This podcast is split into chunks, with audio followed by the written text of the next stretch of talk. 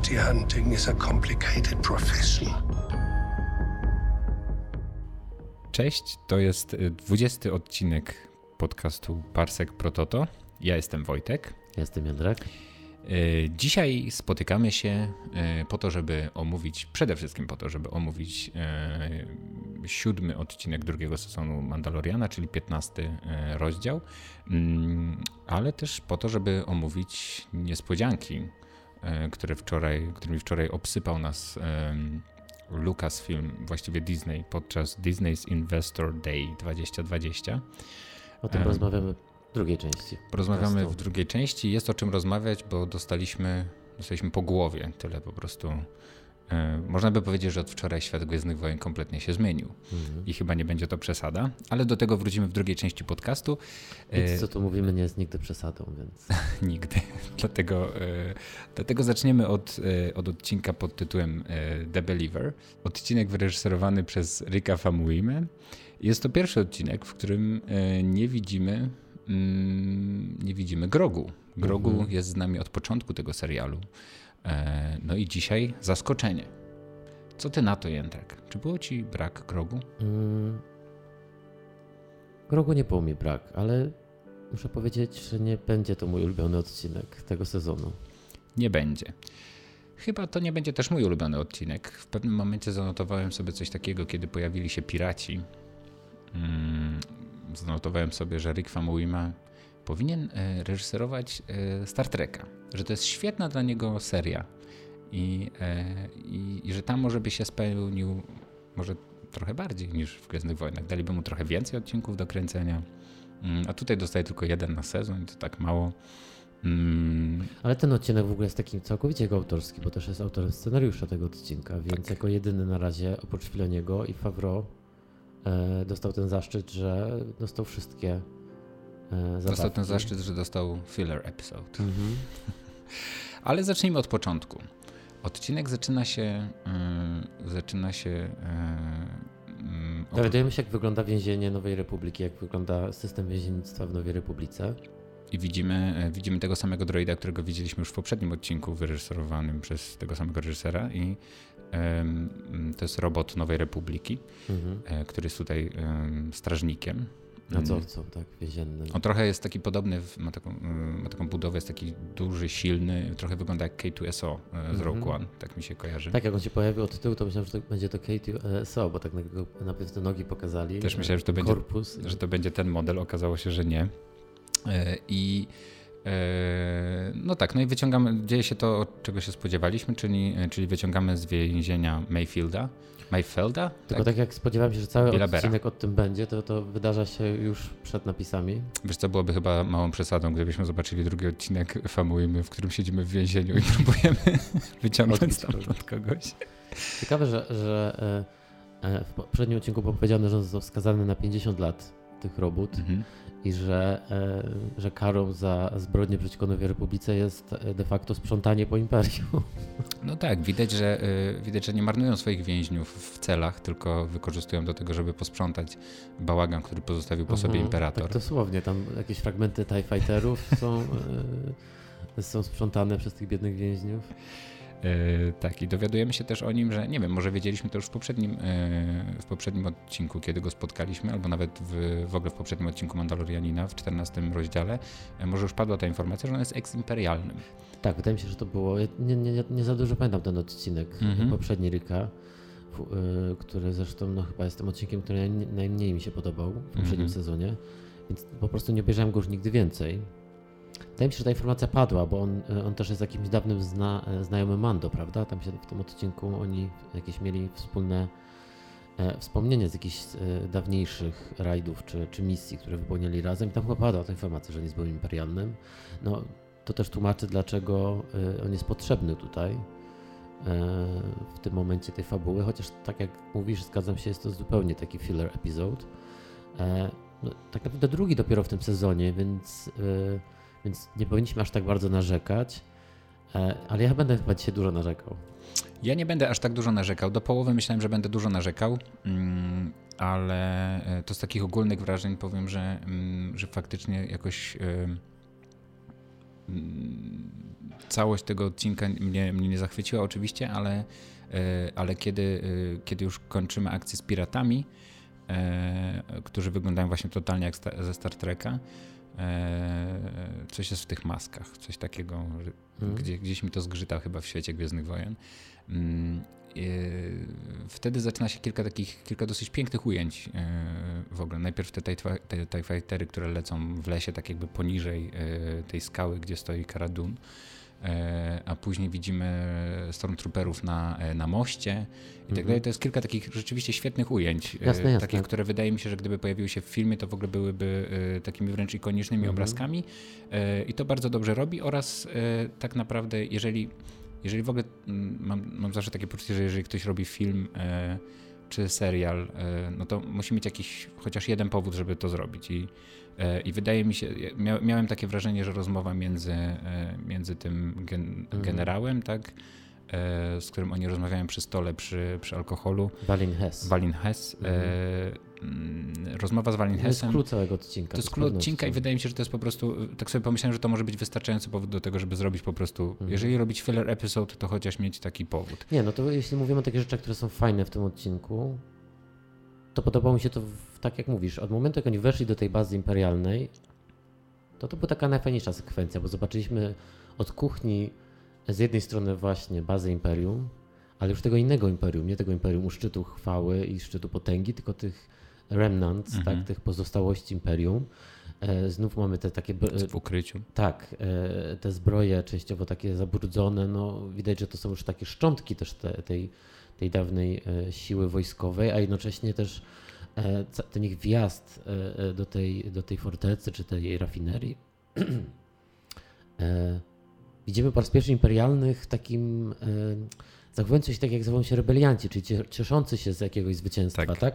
Jest jakby ta, ta dyscyplina, widać, że jest jednak troszeczkę już tutaj złamana, bo nie wyobrażam sobie, żeby tak zachowywali się szturmowcy e, pod panowaniem Wejdera. Właśnie od momentu, kiedy, właśnie od momentu, kiedy, kiedy e, te fightery ratują naszych bohaterów, a później witają już szturmowcy wiwatami i tak mhm. dalej, robi się coś po prostu ciekawego, jednak to odwrócenie, po raz kolejny zresztą w tym serialu, e, e odwrócenie tego, gdzie stoją nasi bohaterowie, i tego, w, jakich, w jakich sytuacjach się muszą odnajdywać. I tutaj właśnie e, no, muszą się odnaleźć nagle wśród tych e, wiwatujących stormtrooperów i tak dalej. No, bardzo faktycznie dziwna sekwencja, przywodząca raczej na myśl cieszących się ze zwycięstwa mhm. rebeliantów.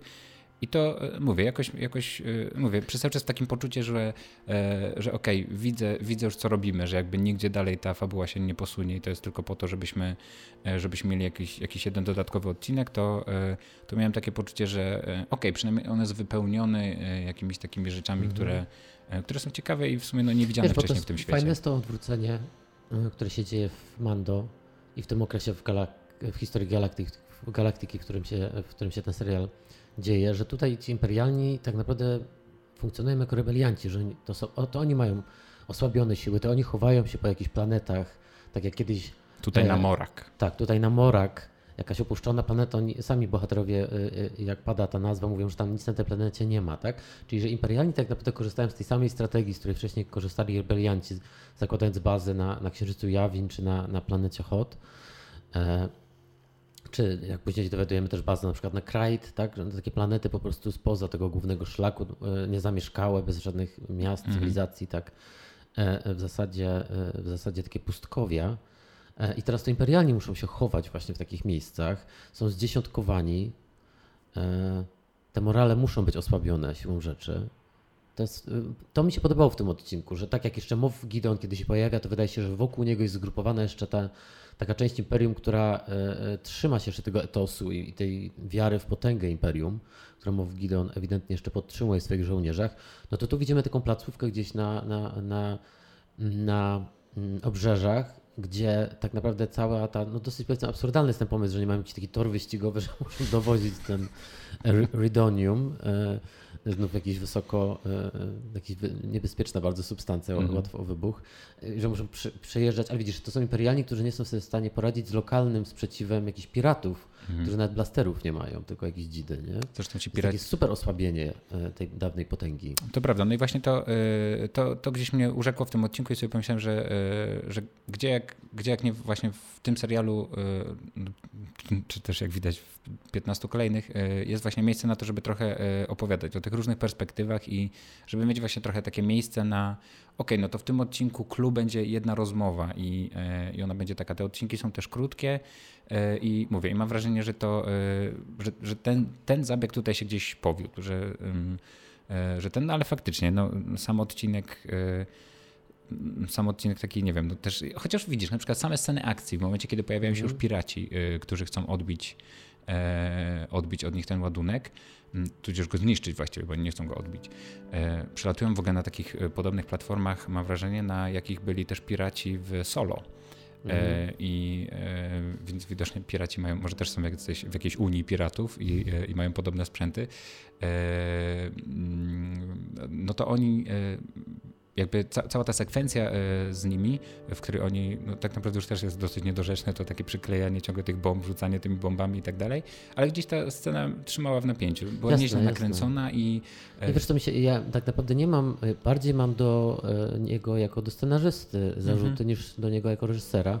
Uważam, że ten tak. odcinek tak. był słabo napisany, a że bardzo jednak mocno się opierał na dialogach, bardziej niż większość odcinków, które dotychczas widzieliśmy, takie miałem wrażenie, że dużo tutaj mhm. dużo było tu czasu na rozmowę, e, że no nie, było to, nie były to najlepiej napisane dialogi i, mhm. i przede wszystkim ten drugi główny zamysł, który chciał zrealizować e, w tym odcinku e, Rick, czyli, czyli powrócić do tego problemu, że Mando mm, żyje według tego Creed, który zakazuje pokazywać twarzy, no został tak rozpisany tak bardzo, że najpierw ma o tym rozmowę, a potem automatycznie jest ta sytuacja, w której już musi podjąć tę decyzję. No tak. Ta, ta, takie to było trochę nieporadne, no. tak, ta nawet jak na Gwiezdne Wojny. Ta przydługawa sekwencja, w której oni e, rozmawiają o tym w, yy, mhm. jadąc w tym kokpicie tego, tego transportera, była taka, że yy, jakby też, też miałem wrażenie, że jakby... Yy, w sensie to, co się właściwie tworzy też między tymi bohaterami, czyli za bardzo nie ma, nie ma tematu do rozmowy, ale go też faktycznie nie ma, no bo jakby ten, y, w ogóle cały ten problem, on był podniesiony już wcześniej kilkukrotnie w tym serialu, więc jakby ta rozmowa dużo nawet subtelniej, między... Tak. Dużo subtelniej niż to, jak, jak, e,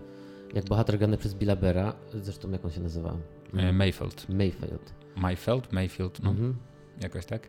E, zresztą w ogóle ta cała ta, ta rozmowa w tym czołgu, w tym Juggernaucie, w którym oni jechali, to miałem wrażenie, że Bill Burr po prostu is being Bill Burr. Mm -hmm. że, że został napisany jako ktoś, kto ma jakieś przemyślenie na temat galaktyki, ale bardzo to było takie w stylu, chociaż nie było to jakoś super komediowe, ale tak kojarzy mi się, bo to jest taki trochę Właśnie... styl, taki narzekania i e, jego sposób też patrzenia na świat. Że to, tak, Właśnie ten poważny... uwagi na to, że, że ostatecznie wszyscy są w jakiś sposób, e, mają coś za uszami i nikt nie powinien e, nikt nie powinien mieć takiego poczucia jakiejś wyższości moralnej. Mhm. To Bilber tak Y, podsumowując go dość... No tak, no to jest jego temat. To jest jego taki też, nie, taki -hmm. styl bycia jako, jako stand-upera no i trochę jego postać też to reprezentuje tutaj.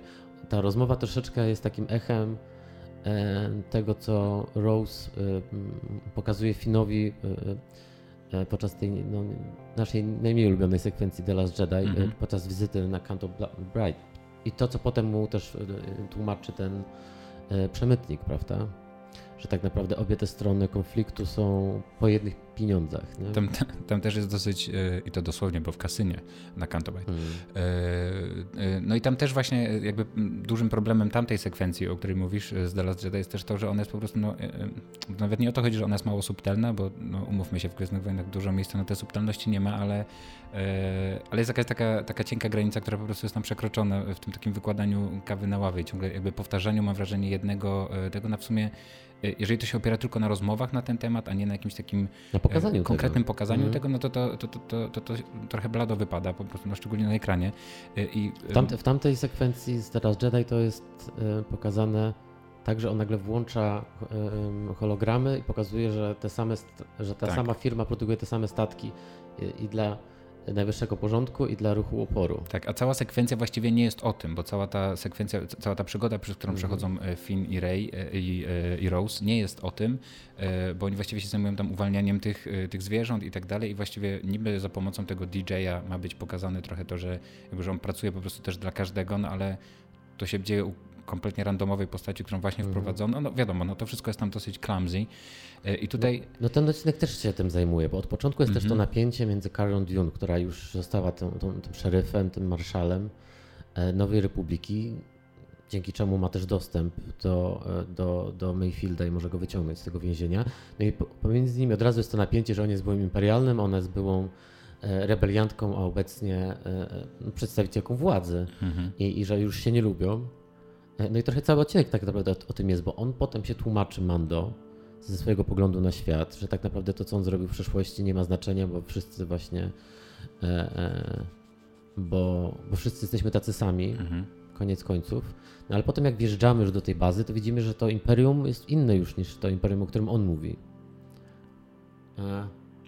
No tak, ale u, u, jakby oprócz tego, że właśnie między nim a nią e, jest, e, jest to lekkie napięcie i to jest teoretycznie stematyzowane, no to jakby później zostają rozdzieleni ci bohaterowie, w takim sensie, że ta, e, ten problem nie jest, jakby, mimo że tam jest narysowany, to nie jest w stanie, e, jakby nie, nie jest przeniesiony już nawet do tego, e, do tego transportera. Mhm. I tam o tym nie gadają, bo tam już się zaczyna kolejny temat właśnie na temat tej maski i no i mówię, rozmowa się nie klei, bo jakby Mando po prostu kompletnie nie odpowiada i a z kolei Karadun zostaje z Fenek, mhm. gdzie z kolei nie ma w ogóle żadnego e, tematu między nimi, jakby nie, nic się tam nie dzieje, one tylko we dwie stoją i strzelają, a też jakby, nie wiem, no to jakoś tak niezgrabnie to jest chyba mhm. rozdzielone po prostu tutaj Ja to jest bardzo niezgrabnie. Ja mam największy problem tak naprawdę, no bo ten odcinek próbuje coś nam powiedzieć na temat moralności w tym świecie Gwiezdnych Wojen. Mhm.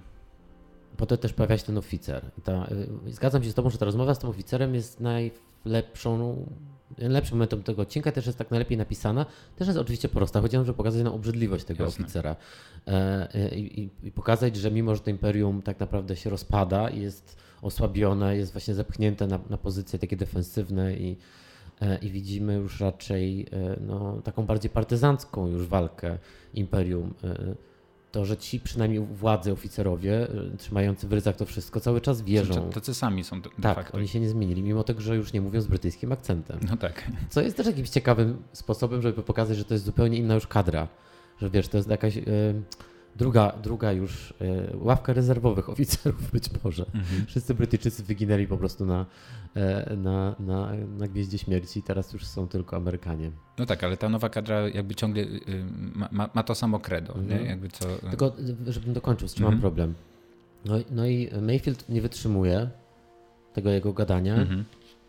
bo sam ma tak to doświadczenie, że był kiedyś pod jego, teraz będę rekonstruował na bieżąco ten mhm. odcinek, więc poprawnie, jeśli coś będę e, przekręcał, że był, żeby był częścią oddziału, którym dowodził ten, e, ten Walin e, His. I, oni, I ten oddział został zniszczony. W sensie zginęli ci jego mm -hmm. współtowarzysze. I on tak naprawdę nie.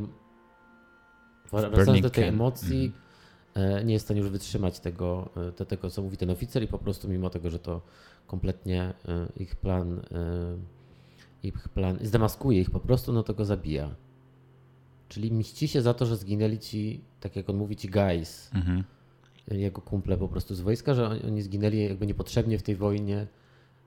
A sam pięć minut później wysadza w powietrze całą tę bazę, zabijając też bardzo dużo prawdopodobnie innych kolegów. Wiesz mhm. co chodzi? To jest trochę ten problem z kultowej sceny u Kevina Smitha z mhm. Clerksów, nie? że Luke Skywalker zamordował bardzo dużo tych techników na mhm. Gwieździe Śmierci, którzy nie byli niczemu winni. I trochę się zastanawiam, czy, że ten odcinek tak trochę, wiesz o co chodzi, że on tak naprawdę robi dokładnie to samo, co zrobi ten oficer, zabijając potem. No jasne, on bardziej, e... wydaje mi się, że jakby to napięcie, które tam się stworzyło, bardziej się bierze e, po prostu z tego, co on mówi, jak, jak o tym mówi. I jakby nie z samego tamtego wydarzenia, to jest jakby mhm. tylko pretekst do tej rozmowy tak naprawdę. E, I ta jego e, jakby to, że on później e, rozwala całą tę ich bazę, jest raczej takim, takim po prostu jego osobistym ciosem w imperium, w ogóle w to, mhm. co ono reprezentuje. No, więc właśnie... no i tak, tak. No i z drugiej strony też dzięki temu uwalnia tą planetę. Mhm. Sam komentuje wcześniej, że zarówno Nowa Republika i, i imperium dla, dla takich lokalnych mieszkańców tych planet, tych lokalnych społeczności to są często najeźdźcy po prostu. I mhm. no, on uratował tę planetę spod ich jarzma, nie? No Wcześniej tak. zresztą wybili piratów, którzy chcieli to samo zrobić, więc oczywiście tutaj jest tak naprawdę, być może to też jest jakoś tematyzowane w tym odcinku, że, że każda decyzja jednak kończy się no, cierpieniem kogoś w tym świecie. No tak, a w tym wypadku albo piratów, albo, e, albo, imperialnych. albo imperialnych. E, no i tak, i właśnie to gdzieś mnie chyba, e, nie, nie wiem, nie, nie rusza mnie to jakoś bardzo, ale miałem wrażenie, że, że właśnie w ramach tej rozmowy i właśnie to jak oni później wychodzą z tej rozmowy, bardzo w takim swoim gwiezdnowojennym stylu właśnie zaczynają nagle strzelać, bo po prostu już wszyscy nie wytrzymują i, mhm. i dzieje się to, no to jest w tym, mimo że, mimo że jest, robi się nagle ciężko, i tak rozmawiamy przy stole, ja już sobie oczywiście wtedy zacząłem marzyć, że byłoby świetnie w ogóle obejrzeć film taki, gdzie oni dużo rozmawiają przy stole i bardzo muszą tylko, mhm. nad, wiesz, taka rzeź, tylko że w tym, nie? w świecie Gwiezdnych Wojen. E, e, I mm, rzeź, rzeźnia. Mówię o filmie Rzeź mhm. e, Polańskiego. E, no i tutaj, e, i tutaj się robi, e, jakby, mm, wiadomo, się jakby ten, przez to, żeby trochę to rozbić, jakby, mm, no nie wiem, ja, miałem, jak to oglądałem, to, y, to, to, to mi to po prostu nie, nie, nie, nie, tyle, że nie przeszkadzało, co miałem wrażenie, że on w ogóle dobrze wybrnął z, y, z tej sceny. Wcześniej było, było i dużo napięcia, i dużego takiego. W sensie, jeżeli chodzi o reżyserię, tego spoko. Właśnie to, co mówisz, no kwestia chyba, chyba po prostu tego scenariusza, gdzie, gdzie on próbuje tematyzować pewne rzeczy mm -hmm. i e, jakoś ja je nazywać, nie, ja ale lubię, po prostu jak, się... Jak, jak w przeciągu jednego odcinka ktoś przechodzi przemianę na naszych oczach. Tak jak trochę przechodzi Ja tego też Mayfield, nie lubię. Nie? No tak, to tak, tak, tak. To ta przemiana już, mm -hmm. to, mhm. bo jakby, bo trochę nie było jakby co z nim zrobić już na końcu, nie? Oni musieli go uwolnić po prostu. No bo ta klamra jest za prosta, że na początku Cara, Oczywiście, Cara tak. jest e, do niego powiedzmy sceptycznie nastawiona mm -hmm. jako imperialnego, a potem go puszcza wolno, bo e, też nie wiadomo skąd ona wiedziała, że to on tak naprawdę strzelił, no ale mm -hmm. już mhm. pomijam, że E, Powiedzieli jej zaraz po wyjściu, ona po prostu, albo zadzwoni, wysłali jej eskę. E, no, że taka jest, no, taka jest dosyć no, prostacka ta konstrukcja tego odcinka. No, jasne. E, no, ale może tyle narzekania, bo jest, jest parę fajnych rzeczy. Zacznę od mojej ulubionej, chyba ulubionego hasła z tego odcinka. Już teraz będę być może zawsze o, o Mando mówił Brown Eyes. Brown Eyes. No tak, szybko, e, szybko Mayfield zorientował się, że nasz bohater ma brązowe oczy i tak go nazwał e, szybko. W ogóle fajna jest ta scena, kiedy on z niego ale, robi po prostu niesłyszącego. To jest bardzo zasłużone, że, że tyle odcinków nie widzieliśmy e, tej, tej, twarzy i to pokazanie, zdjęcie tego hełmu, tego kasku, hełmu, przepraszam, mhm. miało być jakimś dużym wydarzeniem, więc wspaniale, że to od razu zostaliśmy wynagrodzeni e, no, dowcipem temat tego oczu. To chyba już tak będzie, że będziemy raz na, raz na sezon w ogóle widzieli e, twarz Dinjarina. E, I tutaj ten, no moją ulubioną rzeczą zdecydowanie w tym odcinku, poza tą rozmową przy stole, była, było to, że mm, kiedy zobaczyliśmy po raz pierwszy Boba Fetta, Boba Fetta w tym odcinku okazało się, że odmalował swoją zbroję. Mhm. Jest zupełnie odnowiona. I, e, no i tutaj, tak. e, tutaj widać, że mo, e, z tego sezonu mogą już być trzy różne zabawki e, Boba Fetta. jedna, gdzie jest bez zbroi, jedna, gdzie ma e, zbroję, którą właśnie odzyskał od Mando i trzecia, e, kiedy już ją sobie odmalował. No pytanie, zastanawiałem się przez cały czas, czy sam sobie to zrobił, czy ktoś mu w tym pomógł, czy na przykład miał takie, mm, ma takie zacięcie, jakie miała Sabine, e, która też przemalowywała i swoją zbroję i różne rzeczy, bo zawsze miała gdzieś spray w plecaku. Mhm. No zauważyłem, że uzupełnić... Mam nadzieję, że będzie o tym jakiś komiks po prostu, który wytłumaczy, e, jak, jak to się stało, bo wiesz, od ostatniego odcinka nie minęło tyle czasu.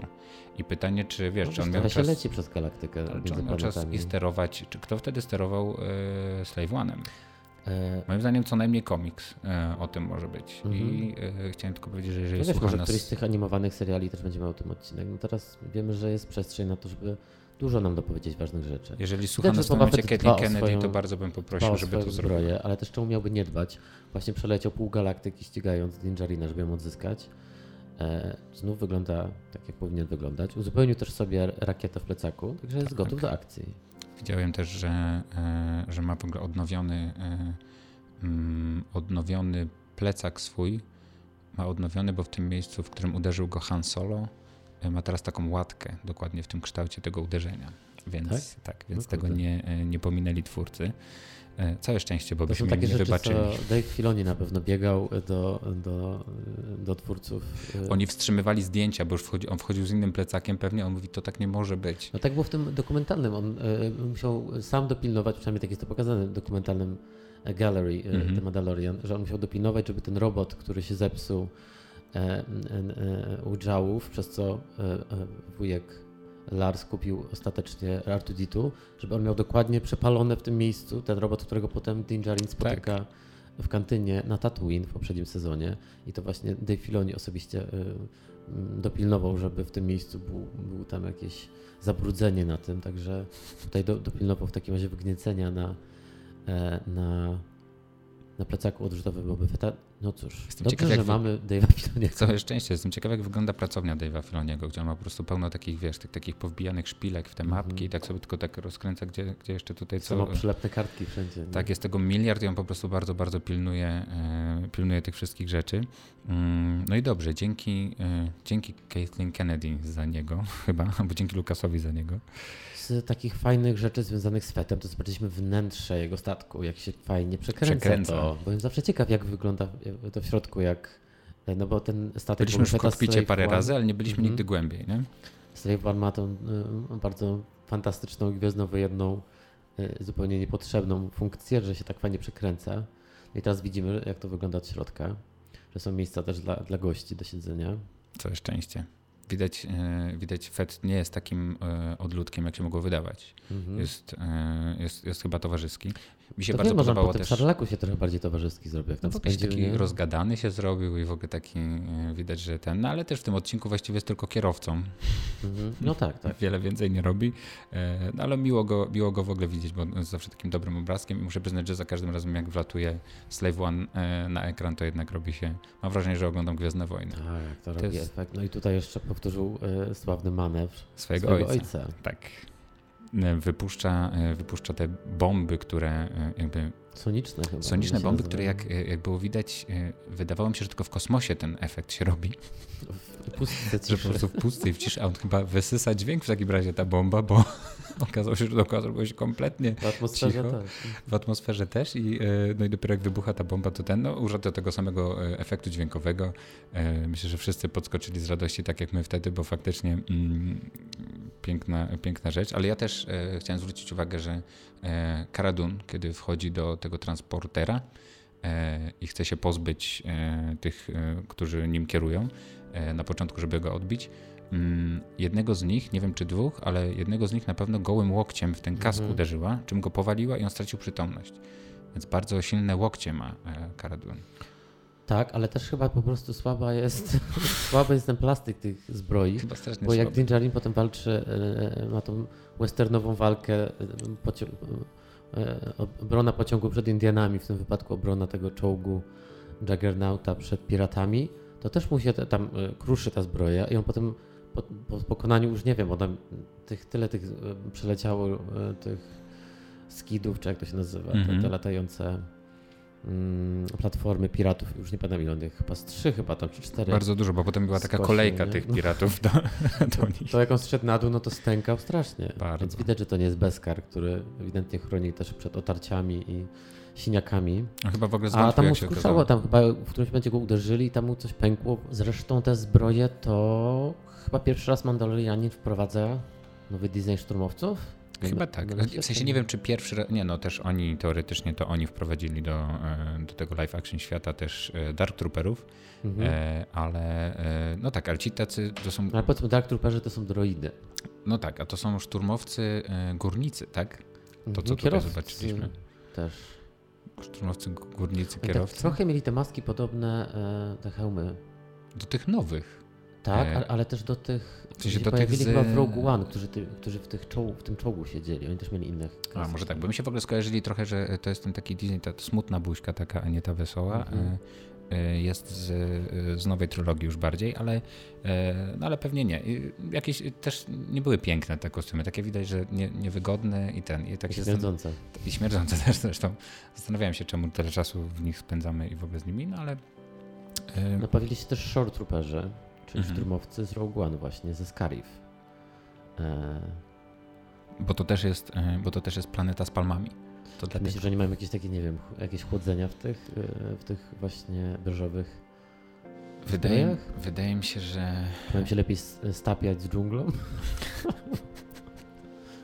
Wydaje mi się, że w ogóle życie szturmowca i mam nadzieję, że o tym też dostaniemy jakiś serial. Życie szturmowca O, jest w tak. ogóle bardzo po prostu przykre.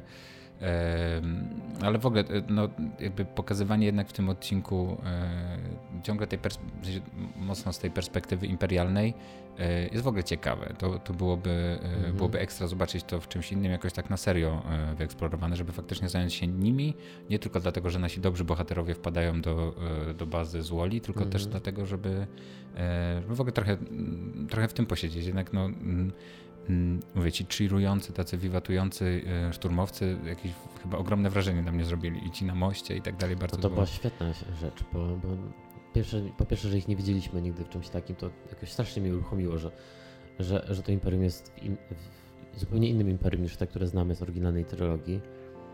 Chociaż potem ta rozmowa z tym oficerem e, sugeruje, że no, on tak dosyć ostatecznie prosto to ustawił, że Nowa Republika jest, to jest wolność i Galaktyka chce wolno, póki co wolności, mhm. ale jak tylko zobaczy na co stać Imperium, to... to Zrozumieją, że potrzebują porządku. Porządku, no. Nowego porządku. tak naprawdę to nowego porządku potrzebują.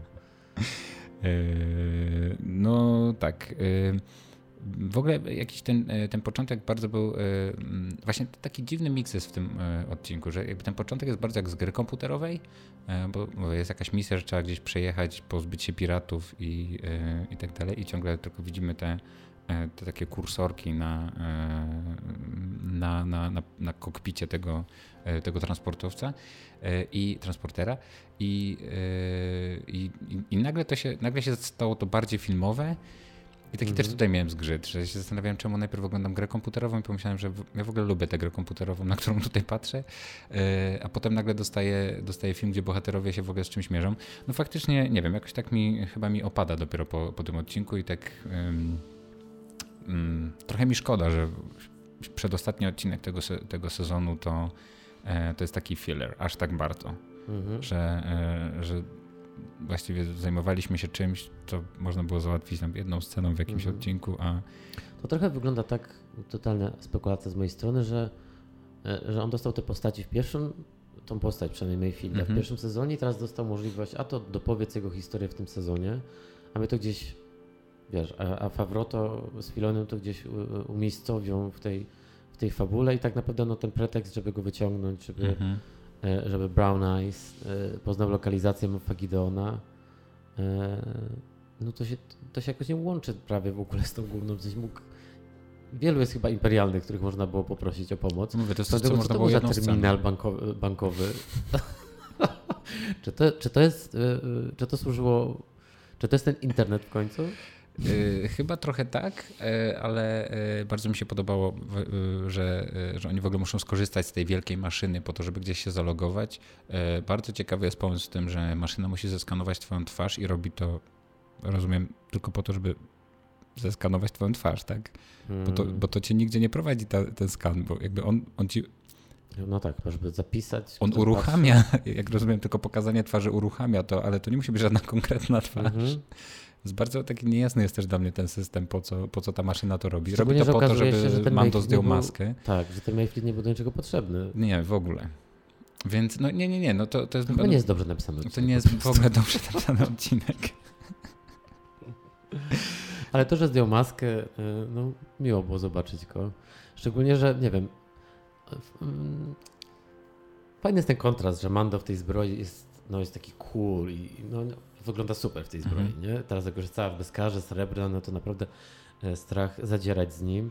A jak zdejmuje, jak zdejmuje taki rozczochrany. Jest taki rozczochrany i taki zestrachany i taki niepewny. Tak. Widać, y, to nie jest zaskoczenie, bo też wiemy, że Mando jest świetnym zabójcą, jakby w swoim zawodzie jest doskonały, a że tak, jeśli chodzi o że takie życiowe sprawy, jest taki dosyć zagubiony. No, dowiedzieliśmy się w tym sezonie, że, że jest w zasadzie E, e, no, więźniem jakiejś sekty, którego po prostu zrobiła mu, pranie mózgu, więc on taki jest też przez to chyba, taki też naiwny w wielu momentach, ale no, w starciu z tym jednym oficerem no, kompletnie sobie stracił całą jakby werwę, nie? Mhm, no ale to też jest takie w ogóle jakby to że, to, że go zmuszamy w tym odcinku do tego, żeby, e, żeby zdjął maskę i to, że on Właśnie nawet to, że stał się taki, taki trochę bezbronny w momencie, kiedy, zdjął, kiedy ją zdjął, mm, jest, z jednej strony jest trochę bezpodstawne, jakby nie wiadomo czemu to w ogóle miałoby się wydarzyć, no ale ja rozumiem, jako, jako osoba, która przez cały czas e, kryje swoją twarz, jakby ta, ta,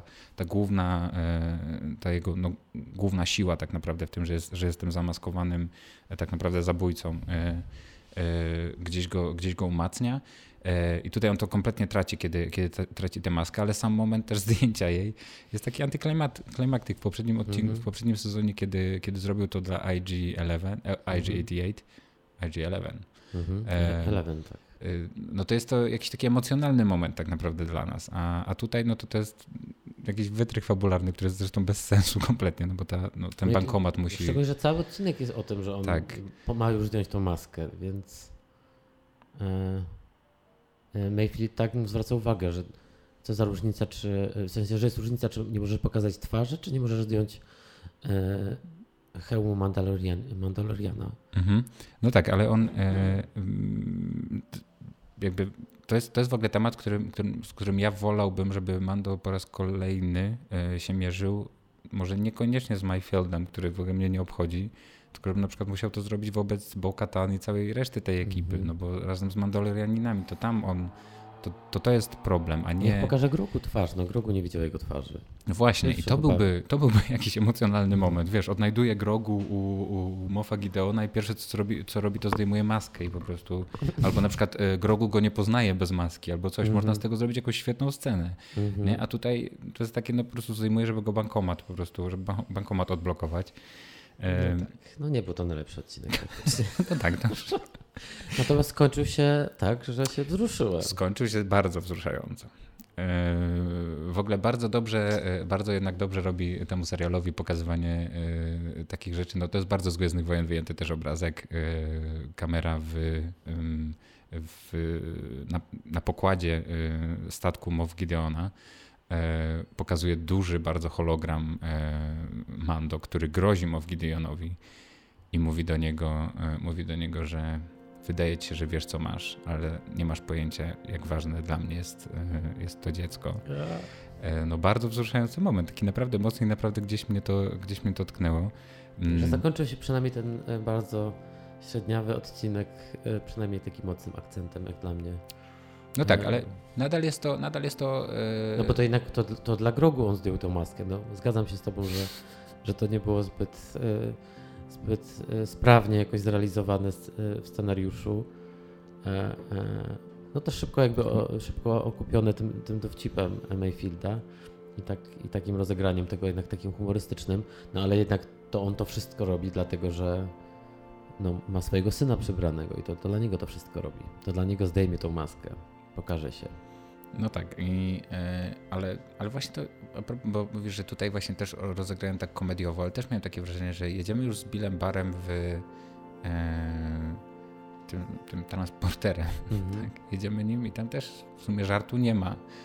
To, to, też jest dobra okazja, żeby coś zrobić, coś napisać, a, a, to się nie pojawia. Już nie chcę tak, nie chcę biadolić na ten odcinek, ale po prostu... Mm, no, kilka takich rzeczy jest, e, jest trochę tutaj e, straconych i po prostu szkoda mi, że e, szkoda mi, że przedostatni odcinek jest nie dość, że taki krótki, to, to jeszcze tak jakby, ale już nawet nie chciałbym, żeby był dłuższy, no bo co mhm. tu dłużej jakby nie ma co no, następny odcinek się zapowiada, no wiadomo, będzie to finał sezonu, więc... Czy to będzie bardzo długi odcinek? Półtorej godziny?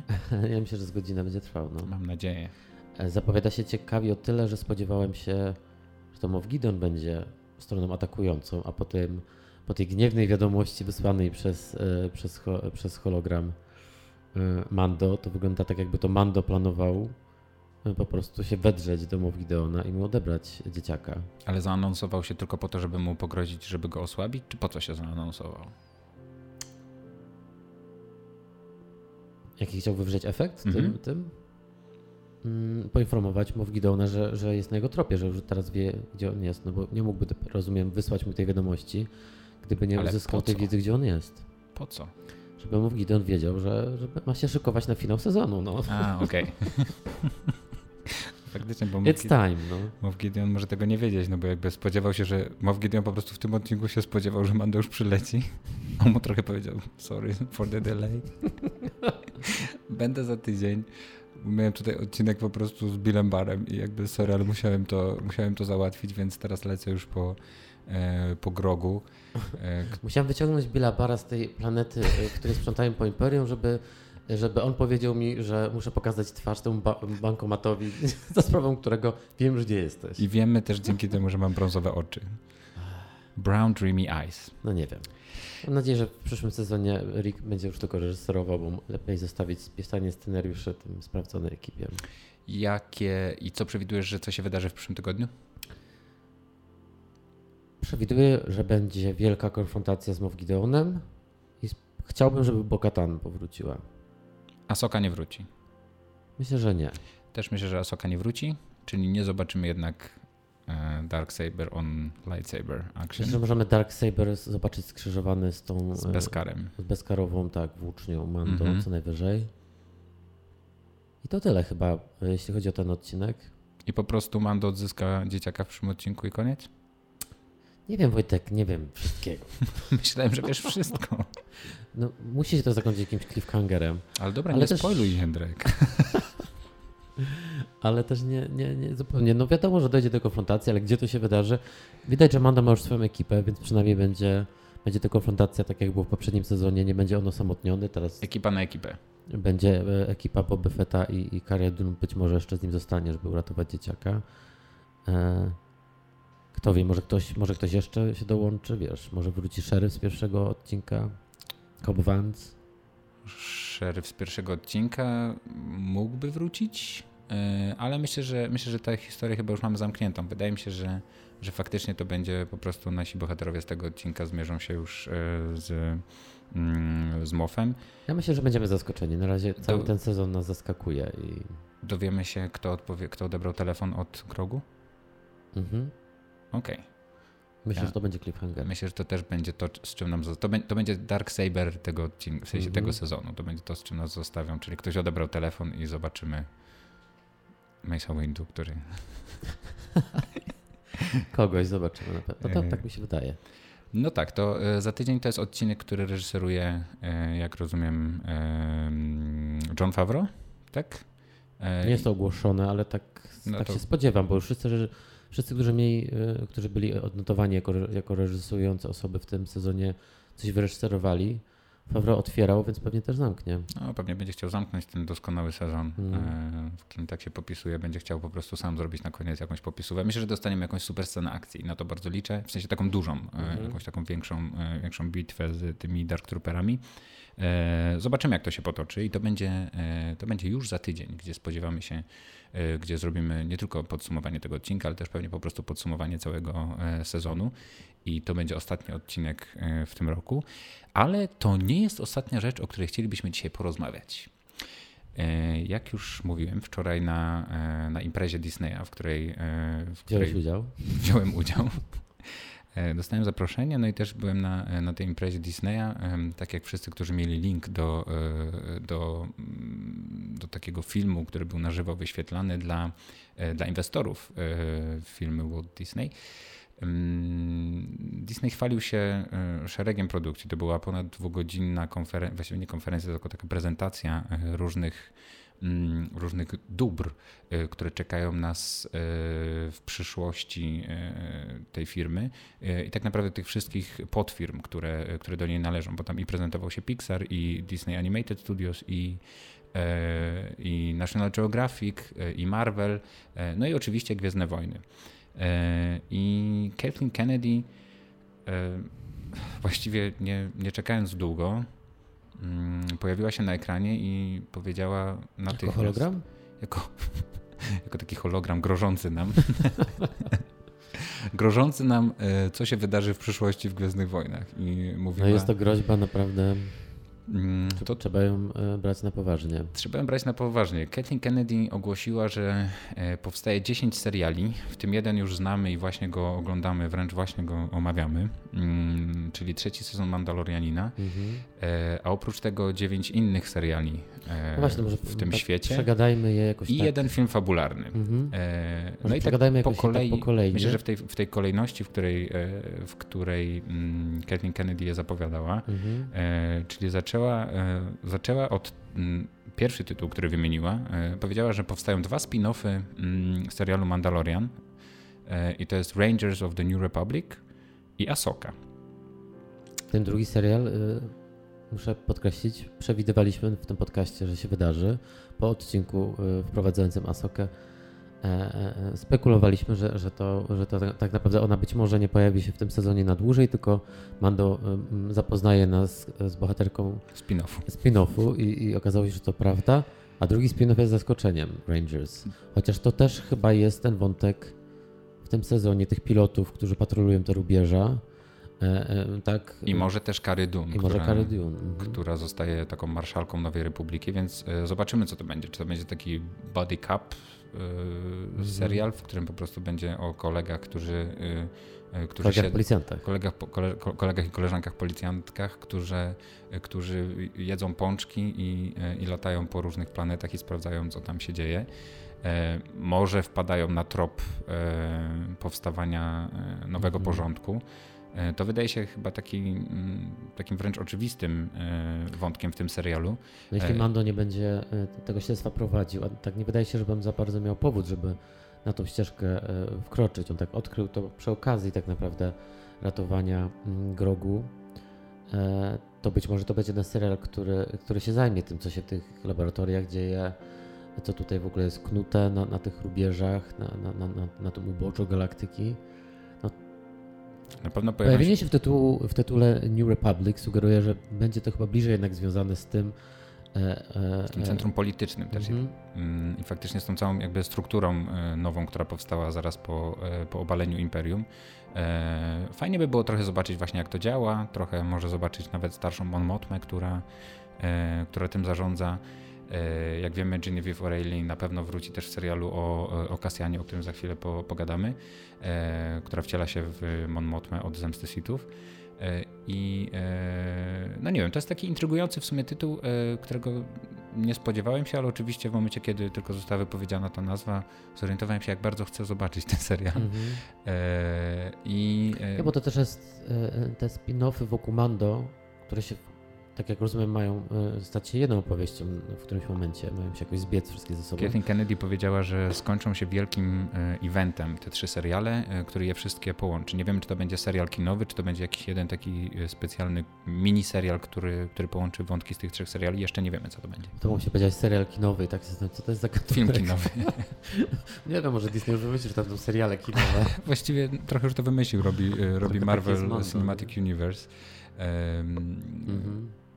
Nie, wydaje mi się, że po prostu fajny, fajnie tak naprawdę oni z tego wy, wy, wyszli, z takiej pułapki, którą weszli, wyszli fajnie z pułapki, z którą weszli, no tacy są Mhm. sprytni, bo kupując Lucasfilm, e, no wiadomo było, że muszą dokończyć, w sensie muszą wrócić do Skywalkerów, muszą opowiedzieć tę sagę, a przynajmniej e, to też, e, jeśli nawet nie z potrzeb samej historii, to z potrzeb marketingowych musieli wrócić do, do tej, do trylogii i, i zrobić, zamknąć ją kolejną e, kolejny, kolejnymi trzema częściami, stworzyć tą sagę Skywalkerów. No i przez to byli jednak e, uzależnieni od obecnego wieku aktorów, więc nie mogli zrobić nowej trylogii, która by się działa na przykład parę lat tylko po powrocie Jedi, co wydawałoby się sen- sensowne z punktu widzenia historii, żeby nam pokazać, jak się pokazać nam jeszcze na przykład dogorywanie Imperium albo początki Nowej Republiki. No tak, Luke, który tworzy Akademię Jedi, Tak, Leia, tak. która e, teraz jest ambitną polityczką, która, e, która chce tworzyć nową republikę. Tak, no to wszystko wydawało się, e, Mhm. wydawało się przynajmniej jeszcze w latach 90., że to jest naturalny, naturalny jakby kurs, który obierze ta, ta seria. No ale cze- czekali na to zbyt długo, no byłoby to bez sensu wciągać tych aktorów, jeśli oni wyglądaliby no, już będąc w takim wieku, jakim są. Więc chodzi mi o to, że przez to byli zmuszeni, żeby zrobić taką opowieść dziejącą się 30 lat wcześniej, no ale teraz tak naprawdę mogą wrócić do, do powrotu Jedi i do tych par... Jesteśmy przecież 5 lat po powrocie Jedi w Mando i opowiedzieć tą część tej historii, już nie przejmując się tym, że tutaj ci najważniejsi gracze z sagi nie są potrzebni. Możemy to zapełnić właśnie Asokami, Mando, Nową Republiką, e, po prostu tam Mhm. obsadzić Nową Republikę Mon Motwą czy Admirałem Akbarem, to, to jest żaden problem, tak? To nie jest Skywalker czy Księżniczka Leia. E, ale jednocześnie no, to jest taki ciekawy okres, żeby pokazać e, upadek Imperium, a potem jego dogorywanie, to co widzimy teraz. Więc wydaje mi się to dosyć sprytnym zabiegiem, żeby tą część historii dopowiedzieć w ten sposób oryginalną trylogię, ale za pomocą seriali, e, które też będą jakąś swoje własne historie niezwiązane ze Skywalkerami toczyły. ostatecznie wydaje mi się to fajniejszym rozwiązaniem niż gdyby nowa trylogia jakoś hipotetycznie założyć miałaby właśnie dziać się w tym czasie kiedy dzieje się Mando. Mi się też podoba ten pomysł, żeby jakby y, tymi serialami wypełnić lukę y, fabularną pomiędzy, y, pomiędzy częściami sagi Skywalkerów. Będzie na to dużo miejsca i jakby widać, że Mando trochę to robi, trochę, trochę o tych rzeczach opowiada i, e, i tak jakby, e, no tak jak już mówiliśmy kilkukrotnie w tym podcaście, on tak jakby tylko dotyka tej głównej linii fabularnej i, i pewnie te, też będą robiły to te dwa, te dwa spin-offy i Asoka mhm. i E, i Rider, tak? E, Rangers of the New Republic. Texas Rangers. E, tak. A, bo, a o czym będzie Asoka, jak myślisz? Bo mam wrażenie, za, za, chwilę jeszcze, bo mam wrażenie, że w sensie, jeżeli chodzi właśnie o to, czy w ogóle oni się zdecydują na to na przykład, czy, czy przywrócić tutaj, bo na pewno zobaczymy mnóstwo znanych postaci w tych Rangers of the New Republic, nie? Kto wie, czy nie zobaczymy na przykład młodszą wersję Kapitan Holdo, i tak dalej, że to jakby nie, wydaje mi się, że to, że, że to, że to wszystko jest możliwe, że, że gdzieś się tutaj e, e, przedstawi i wydaje mi się, że tak czy siak prędzej czy później zobaczymy w końcu nową, nową aktorkę, która gra Leję i nowego aktora, który gra Luka. Pytanie, czy będą chcieli zrobić to tutaj. I może gdzieś, może to gdzieś tutaj będzie, to nie będą na pewno główne postaci, ale pytanie, czy wiesz, czy już na przykład z kimś podpiszą kontrakt na najbliższe 10 lat, że teraz mhm. ty będziesz Lukiem, ty będziesz e, Leją. E, zobaczymy. To jest ważna decyzja. E, szczególnie dotycząca Lei, bo tak naprawdę Luke nie jest aż tak bardzo potrzebny. Jeśli nie zająć się historią Jedi, to Luke tak naprawdę trochę może zniknąć z tej, mhm.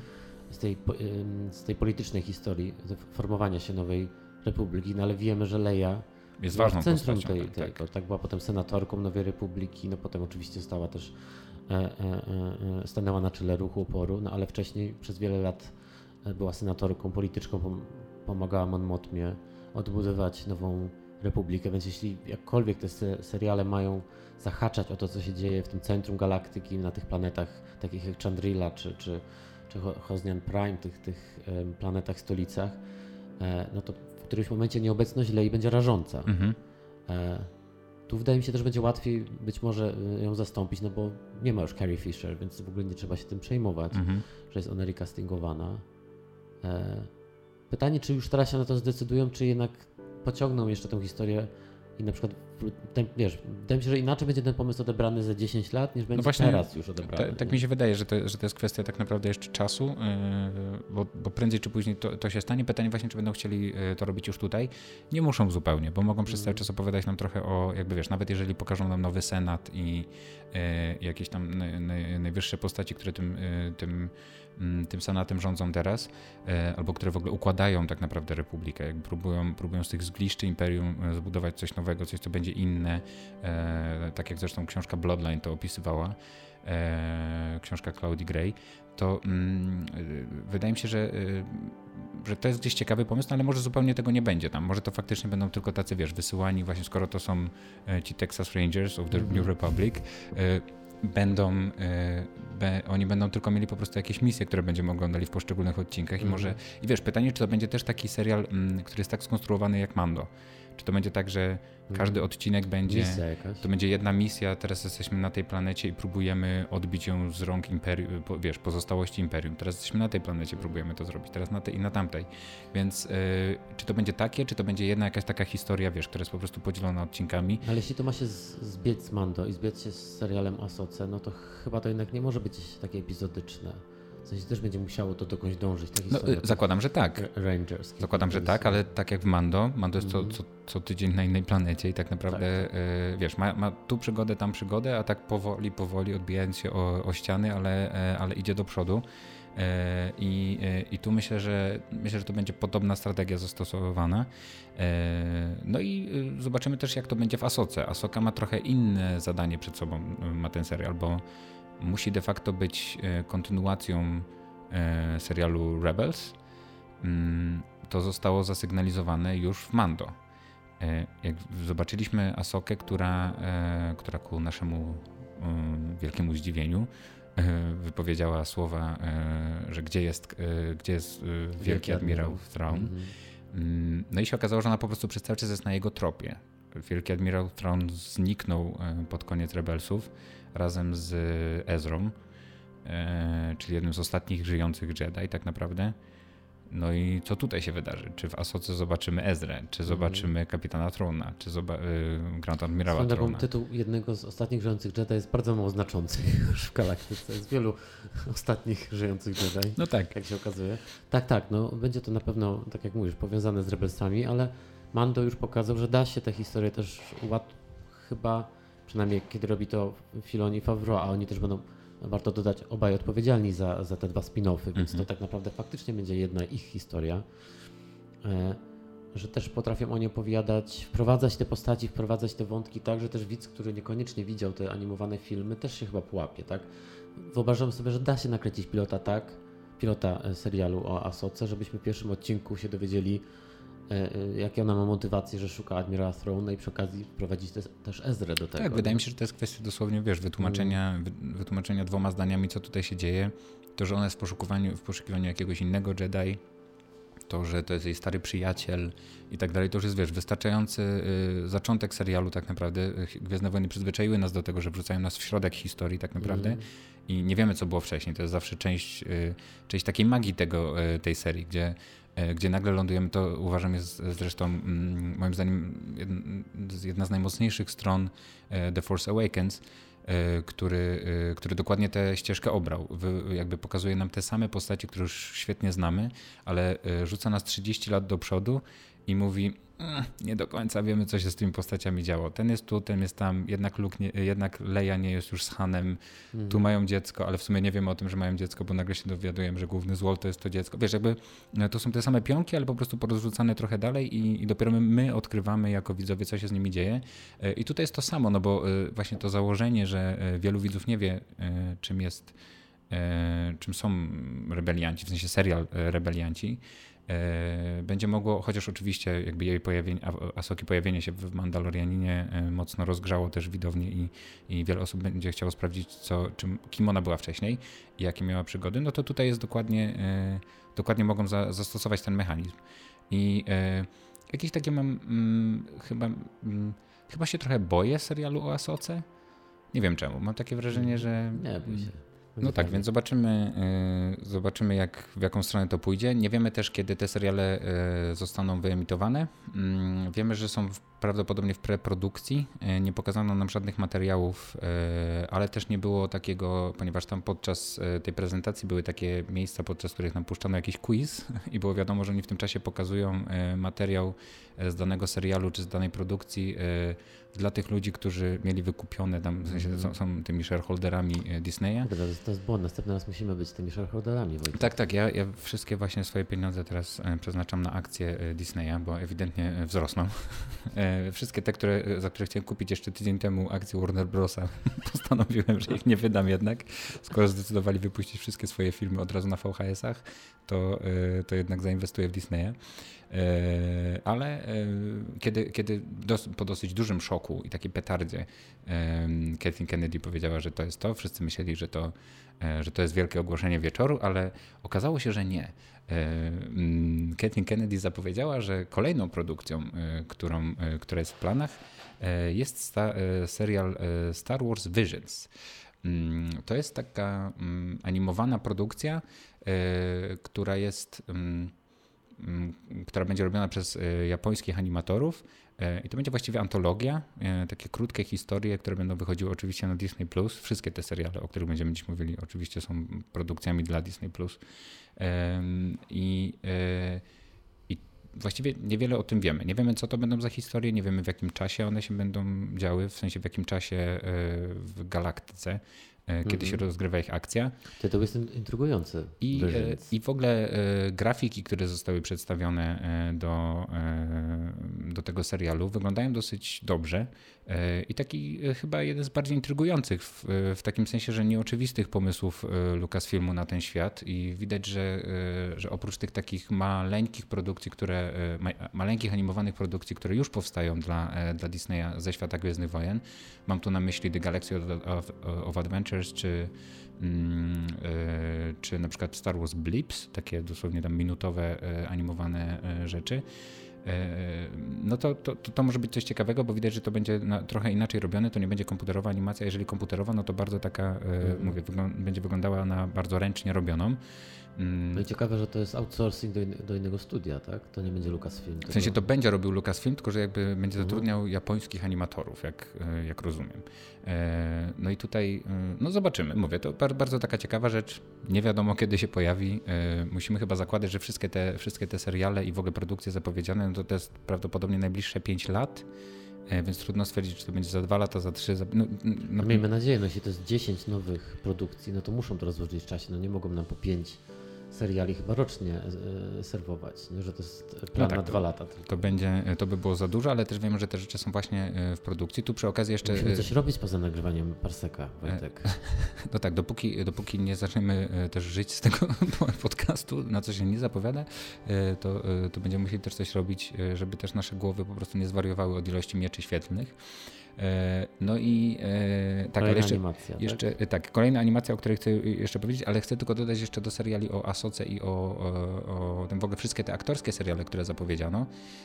Kathleen Kennedy pochwaliła się, że wszystkie będą robione za pomocą technologii tych wielkich ekranów które są zamontowane w studio i które właściwie zastępują całą scenografię, zastępują blue screeny i tak dalej. Mhm. Właściwie e, renderują to tło. Na, tak, renderują na, na, żywo. E, tło, które jest na, grają, tak, nakręcone tak, wcześniej, e, to jest nakręcone wcześniej przez inne ekipy filmowe i potem jest tylko jakby cała reszta się odbywa, odbywa w studio. To jak to dokładnie działa możecie zobaczyć w serialu Disney Gallery, The Mandalorian.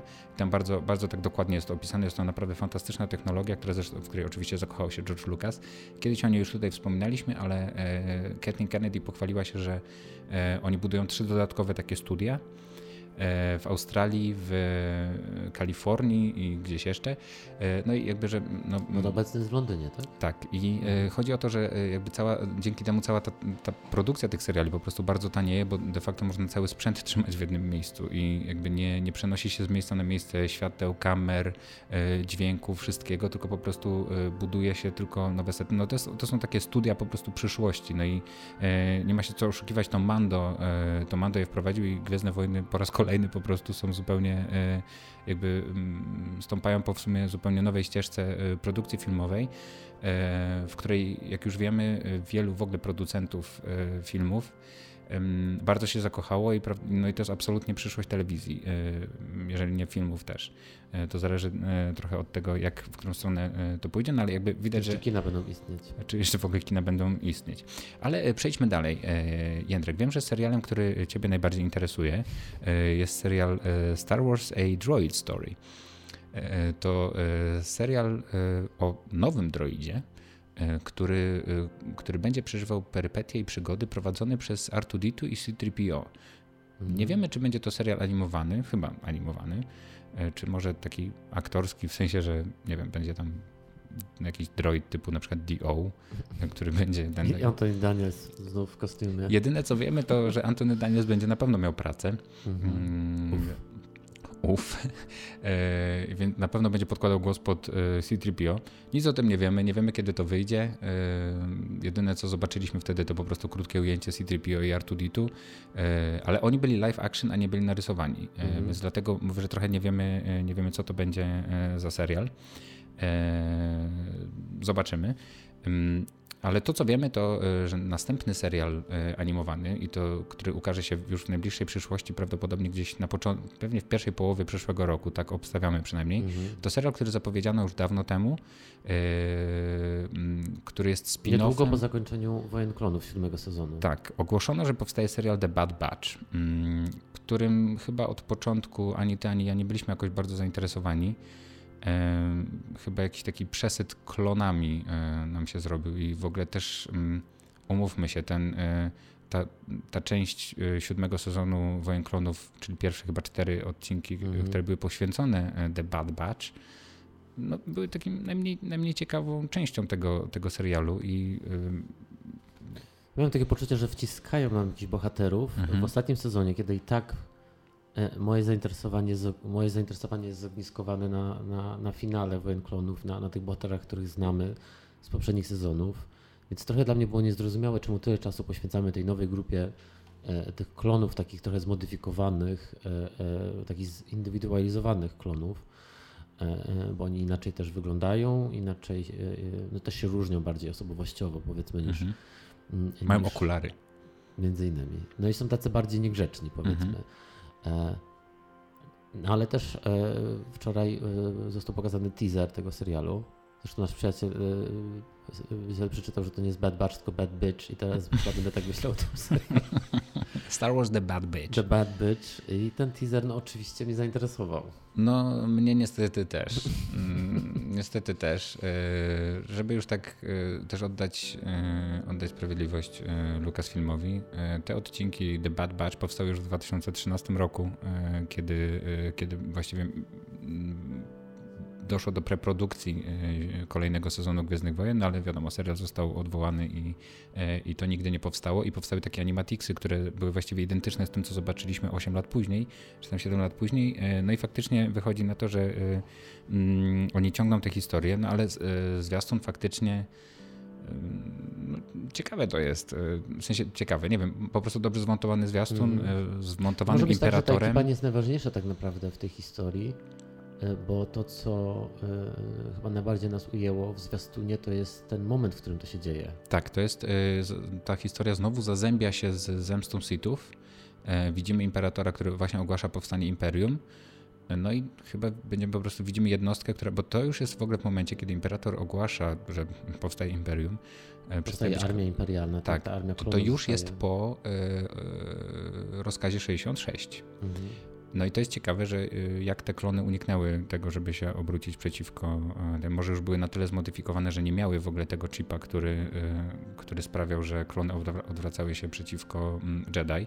E, nie wiem, coś, coś jest intrygującego w tej historii i pytanie, czy, czy to będzie, mm, czy zobaczymy po prostu ich próbę ucieczki jakby na nowo, jakby zdefiniowania się i, i, i stania się kimś innym niż tylko klonami, którzy walczą po stronie Republiki. E, ja czy wrażenie, ta historia. Mhm. mhm. Czy ta historia e, za, jeszcze mm, spróbuje, e, zahaczyć o już nowe produkcje? E, dzisiaj gdzieś w internecie ktoś zasugerował, że to może być tak, że, e, że, mm, że to The Bad Bitch, The Bad Batch są odpowiedzialni za, e, za bezpieczne wywiezienie grogu z, ze, świątyni Jedi. ze świątyni Jedi. To by było ciekawe. E, niespodziewane bardzo. Niespodziewane, ale zobaczymy. Mignęła, mignęła tam też Fenik, czyli... Fenik. E, Fenik, przepraszam. E, Fenik, czyli e, towarzyszka Boba Fetta obecna, a przynajmniej jakaś postać w takim e, w tym jej hełmie mhm. rangerowym. To chyba jest Fenik. I to chyba jest ona. Tak. Ciekawe połączenie z Mando. E, no więc widać, że ten serial już powstawał tak z myślą o tym, że już jakby o tej takiej jakiejś szerszej historii, o takim zazębianiu się trochę tych seriali, E, to, co w zeszłym tygodniu nazwałeś marwelizacją tego świata, już absolutnie tutaj zachodzi i e, e, no tak, i to, to, to, jest śmieszne, ponieważ Fenik widzieliśmy dwukrotnie, w tym właściwie poznaliśmy ją tak naprawdę w zeszłym tygodniu.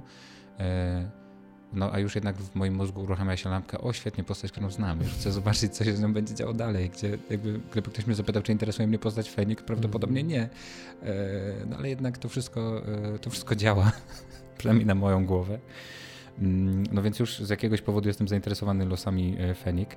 E, no, ten, ten, ten zwiastun też e, bardzo jeszcze mocniej to już nawet nie zasugerował, w zasadzie ogłosił, że to będzie kontynuacja Clone Wars, bo to się zaczyna ten zwiastun tym takim fajnym zamazaniem loga Clone Wars. Wypala się logo Clone tak, Wars, tak. Na logo The Bad Bitch i no, udało im się e, wzbudzić moje zainteresowanie. No tak, zobaczymy sequel Wojen Klonów, o który nikt nie prosił. I oczywiście go obejrzymy i prawdopodobnie wręcz zrobimy e, jakieś jego omówienie w tym podcaście. E, no o tyle, o tyle to jest jakby...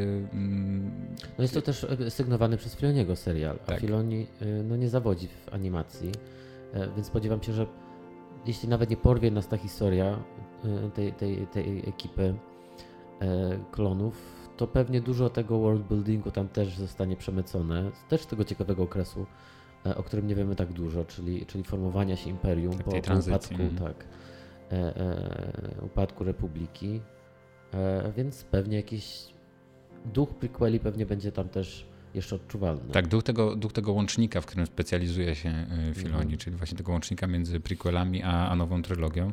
E, no masz rację, na pewno po prostu bardzo dużo tych, e, tych wątków pobocznych, nawet jeżeli sami, sama grupa tych The Bad Bitches nas nie, nas nie zainteresuje, no to jednak... Też ta, Tarkin tam się pojawił. Tak, Tarkin pojawił się w zwiastunie. Mm. Zwiastun możecie też obejrzeć na, na naszym Facebooku, jeżeli nigdzie indziej nie możecie na niego trafić. Kolejną produkcją, którą, e, którą zapowiedziała Kathleen Kennedy, e, no był kolejny szok chyba wśród wszystkich. E, produkcja o tyle niejasna, co jakby mm, nie wiadomo, czy, nie, nie wiadomo, czy to ma być serial animowany, czy serial aktorski. To jest serial o Lando. Star Wars Lando. Jej. Jej, bardzo się cieszymy. Mam Ten... nadzieję, że będzie to serial aktorski i że wróci do nas Glover. Ten serial realizuje e, Justin Simon, e, który jest odpowiedzialny między innymi za, e, za serial Dear White People. Dear White People. I, I no właśnie, co to będzie, Jędrek? Mam nadzieję, że będzie to opowieść o tym panseksualnym zawadiace zwiedzającym galaktykę i łamiącym serca wszystkich płci i gatunków w galaktyce. A ja... przy okazji jakaś kontynuacja solo. No właśnie to, to jest chyba najciekawsze. Mhm. W sensie oprócz tego, że pewnie najciekawsze jest jednak oglądać przygody seksualne e, tak. Lando. Bardzo chętnie obejrzałbym taki serial w Gwiezdnych. To może być, słuchaj, bo może teraz mnie olśniło, może to jest taki czerwony pantofelek. Tak. Tylko, że bo pamiętaj, on, to były pamiętniki czerwonego pantofelka. Solo wiemy, że Lando ma swoje pamiętniki. Ma swoje pamiętniki. Czy to są po prostu po, e, takie, słuchaj, logo jest dosyć takie, wiesz, złote z czerwonym. Może to jest takie, e, jednak napis Star Wars jest czerwony. Może to jest takie, że faktycznie to jest taki e, rated R serial. No mm. chyba już najwyższy czas na odrobinę erotyki w Gwiezdnych Wojnach. A kto ją ma nam e, przynieść, jak nie najbardziej czarujący... Koleś, o którym wiemy, że, koleś, o którym wiemy, że spał ze swoim robotem. Mm. E, więc no to jest jednak, e, to jest bardzo interesująca wizja. Teraz, teraz now when I think about it, to jest bardzo, e, bardzo ciekawe. Może dowiemy się, jak, jak udało mu się pokonać tą łowczynię nagród, której śmiercią się się chwalił pokonaniem jej, Aury Singh bodajże. Tak, no teraz kurczę, wiesz co, no jednak chciałem powiedzieć, że bardzo mnie interesuje sequel solo, ale teraz sequel solo mnie mniej interesuje. Nie, jednak, jeśli będzie ta animacja, to będę zawiedziony, bo bardzo chciałbym zobaczyć Donalda Glovera, który był świetny w Lori Lando. Mam wrażenie, że w solo był no taki nie, nie, być może to była kwestia tych, że ten film był przekręcony na nowo. Mam wrażenie, że nie był wykorzystany w solo, że za mało go było, e, e, więc ta decyzja, żeby poświęcić mu jakiś miniserial, taki wydłużony film, e, wydaje mi się no, no, doskonała. Mam nadzieję, że Donald Glover zgodzi się, zgodzi się wrócić. E, jeśli będzie to animacja, to wtedy też traci się ta cała właśnie potencjalna transgresja, którą może wprowadzić Lando. Tak. E, e, wolałbym to zobaczyć w live action zdecydowanie. I też chyba nie spodziewam się po tym serialu bycia kontynuacją solo, tak naprawdę. To pewnie, pewnie zostanie wykorzystany ten wątek jego właśnie pamiętników. Co, pamię co odcinek to nowe jego wspomnienie e, o czymś Świetny tam. pomysł z tymi pamiętnikami. No. I ten, no bardzo dobry, myślę, że nieprzypadkowo zresztą tam wprowadzony, mm, ale e, no nadal wspieram akcję Make Solo to Happen, bo bardzo chętnie zobaczyłbym serial o Kirze albo o, mhm. o samym solo solo, e, ale pewnie bardziej o Kirze, o tym, jak, e, o tym jak, jak działa ciemna strona wtedy, a właściwie te syndykaty wszystkie i e, Darth Maul mógłby się tam pojawić. No. no obawiam się, musimy poczekać na, na, na, kolejne spotkanie z inwestorami, w którym już będziemy brać udział jako, jako shareholders Disney Plus i, i wtedy Wymusimy po prostu to. Star Wars Maul serial i być może wtedy dopiero to zobaczymy. O Molu już tyle zobaczyliśmy, że ja chyba wolałbym zobaczyć serial Kira, chociaż nie wiem. Nie wiem, bo jakoś gdzieś tak, no mówię, to jest bardzo mm. interesujący wątek i y, fajnie by było to, to gdzieś zobaczyć. Nie wiem, czy koniecznie muszę oglądać Hanna Solo jeszcze raz. Y, więc. No ale jeśli będzie to animacja, to może to będzie animacja w takim razie o starym Lando? I jakby kontynuacja tego y, y, zadzierzgniętego wątku w Rise of Skywalker, że on że ma jako córkę. ten stary ma córkę i to mniej atrakcyjna chyba forma. Nie, nie chodzi mi o, o wiek mm -hmm. i zobaczenie nawet w jakimś epizodziku Billy'ego D E, e, Williamsa. Williamsa znowu e, w roli Lando oczywiście zawsze przywołał uśmiech na mojej twarzy, no ale chyba jednak ten młody Lando w wersji Glovera będzie e, ciekawszym bohaterem. No tak, to ma, to ma pewnie większy, e, większy potencjał, ale e, faktycznie wersja animowana po prostu gdzieś nie. Mm, chociaż nie wiem. No, no daje też im większą, większą wolność. W, jeśli tak jak. Jeśli twoja, twoja teoria, że to będzie taka kompozycja, że to będą te pamiętniki i mhm. będą, więc to będzie tak rwana, epizodyczna opowieść, a nie jakaś, wiesz, mhm. zwarta mhm.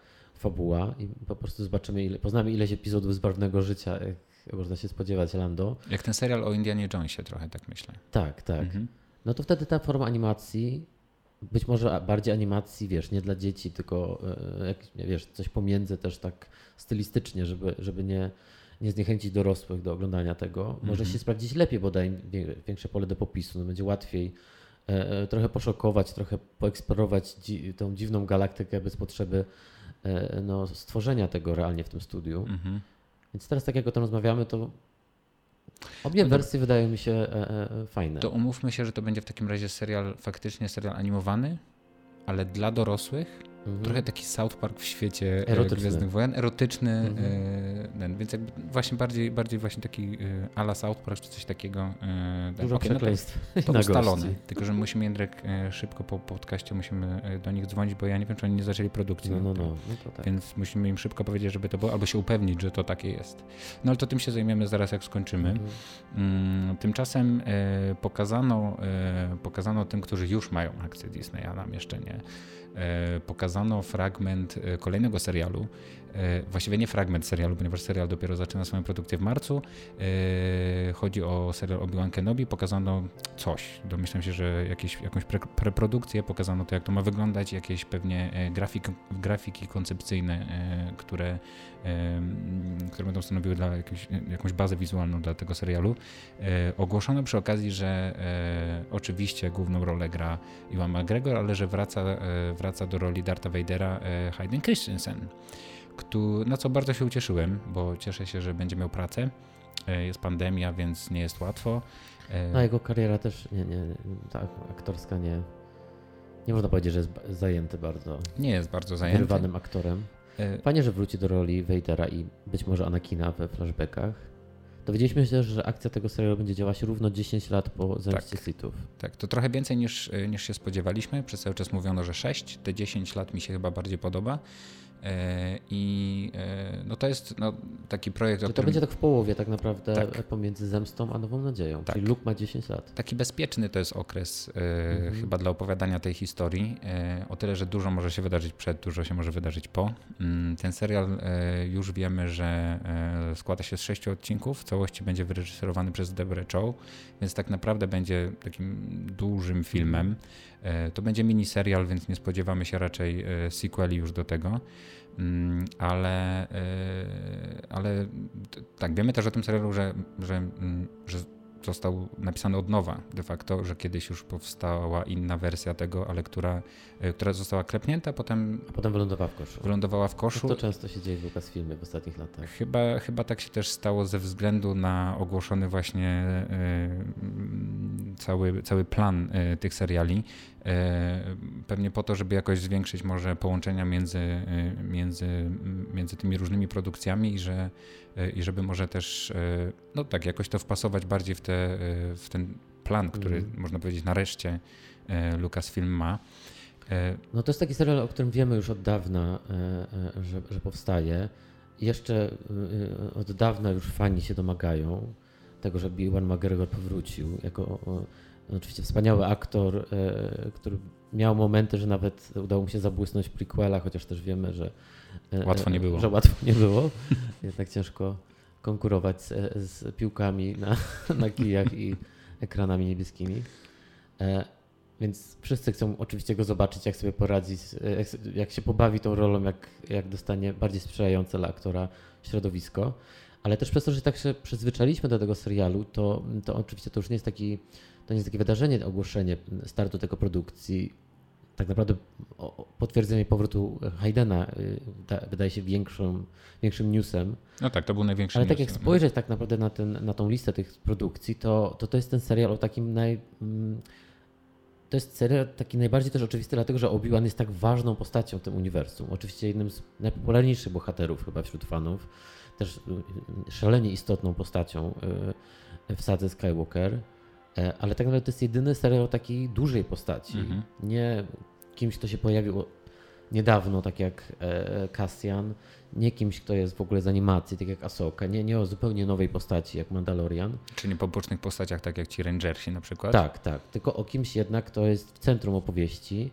E, więc jest to ekscytujące i cieszę się, że to będzie taki, tak jak mówisz, długi film, że nie musimy się tu martwić, że to nagle będą teraz e, trzy sezony e, opowieści o Obi-Wanie, bo to pewnie też oznacza, że dostaniemy coś super jakościowego. Też, też mam takie poczucie, że, e, że, to będzie, że to będzie taka jedna z najmocniejszych produkcji, które, które szukuje Lucasfilm w tym momencie, bo e, no, to też de facto jest no, jakby dziesiąty epizod Gwiezdnych Wojen, w takim sensie, że on jest gdzieś pomiędzy 3,5 tak naprawdę, Mhm. no bo opowiada o głównych bohaterach. Jeżeli już mamy potwierdzenie, że w tym filmie pojawi się Darth Vader, co wcale nie było oczywiste aż do, Pewnie też Luke się pojawi. aż do wczoraj, pojawi się na pewno mały Luke. Mm. Jeżeli będziemy mieli jakieś mm, flashbacki, no to kto wie, czy właśnie nie pojawi się i Padme, i Asoka, i, i tak dalej. No Jakby jest, jest szansa, że zobaczymy, e, zobaczymy dopo- kolejne e, dopowiedzenie e, prequeli. E, Niekoniecznie może próbę naprawy, ale no, sam jestem ciekaw, bo tam de facto no jakby nie, nie trzeba nic dopowiadać do historii Obi-Wana, Tak, tak. tak. umówmy się. E, Ale... Właśnie po co ten serial będzie? ale to chyba Mhm. jest też, też jakaś próba takiego dopowiedzenia tej, e, tej takiej no, nie, nie najzgrabniej opowiedzianej e, historii w prequelach i samego Obi-Wana, który jest no, po- postacią po prostu tragiczną w, w, w, tych, w tych filmach. E, Przynajmniej tak, tak kończy e, tragicznie. Jakby wszystko Mhm. traci, traci przyjaciela, traci, traci wszystko. Traci republikę przede wszystkim, dla której też ten traci, traci zakon Jedi.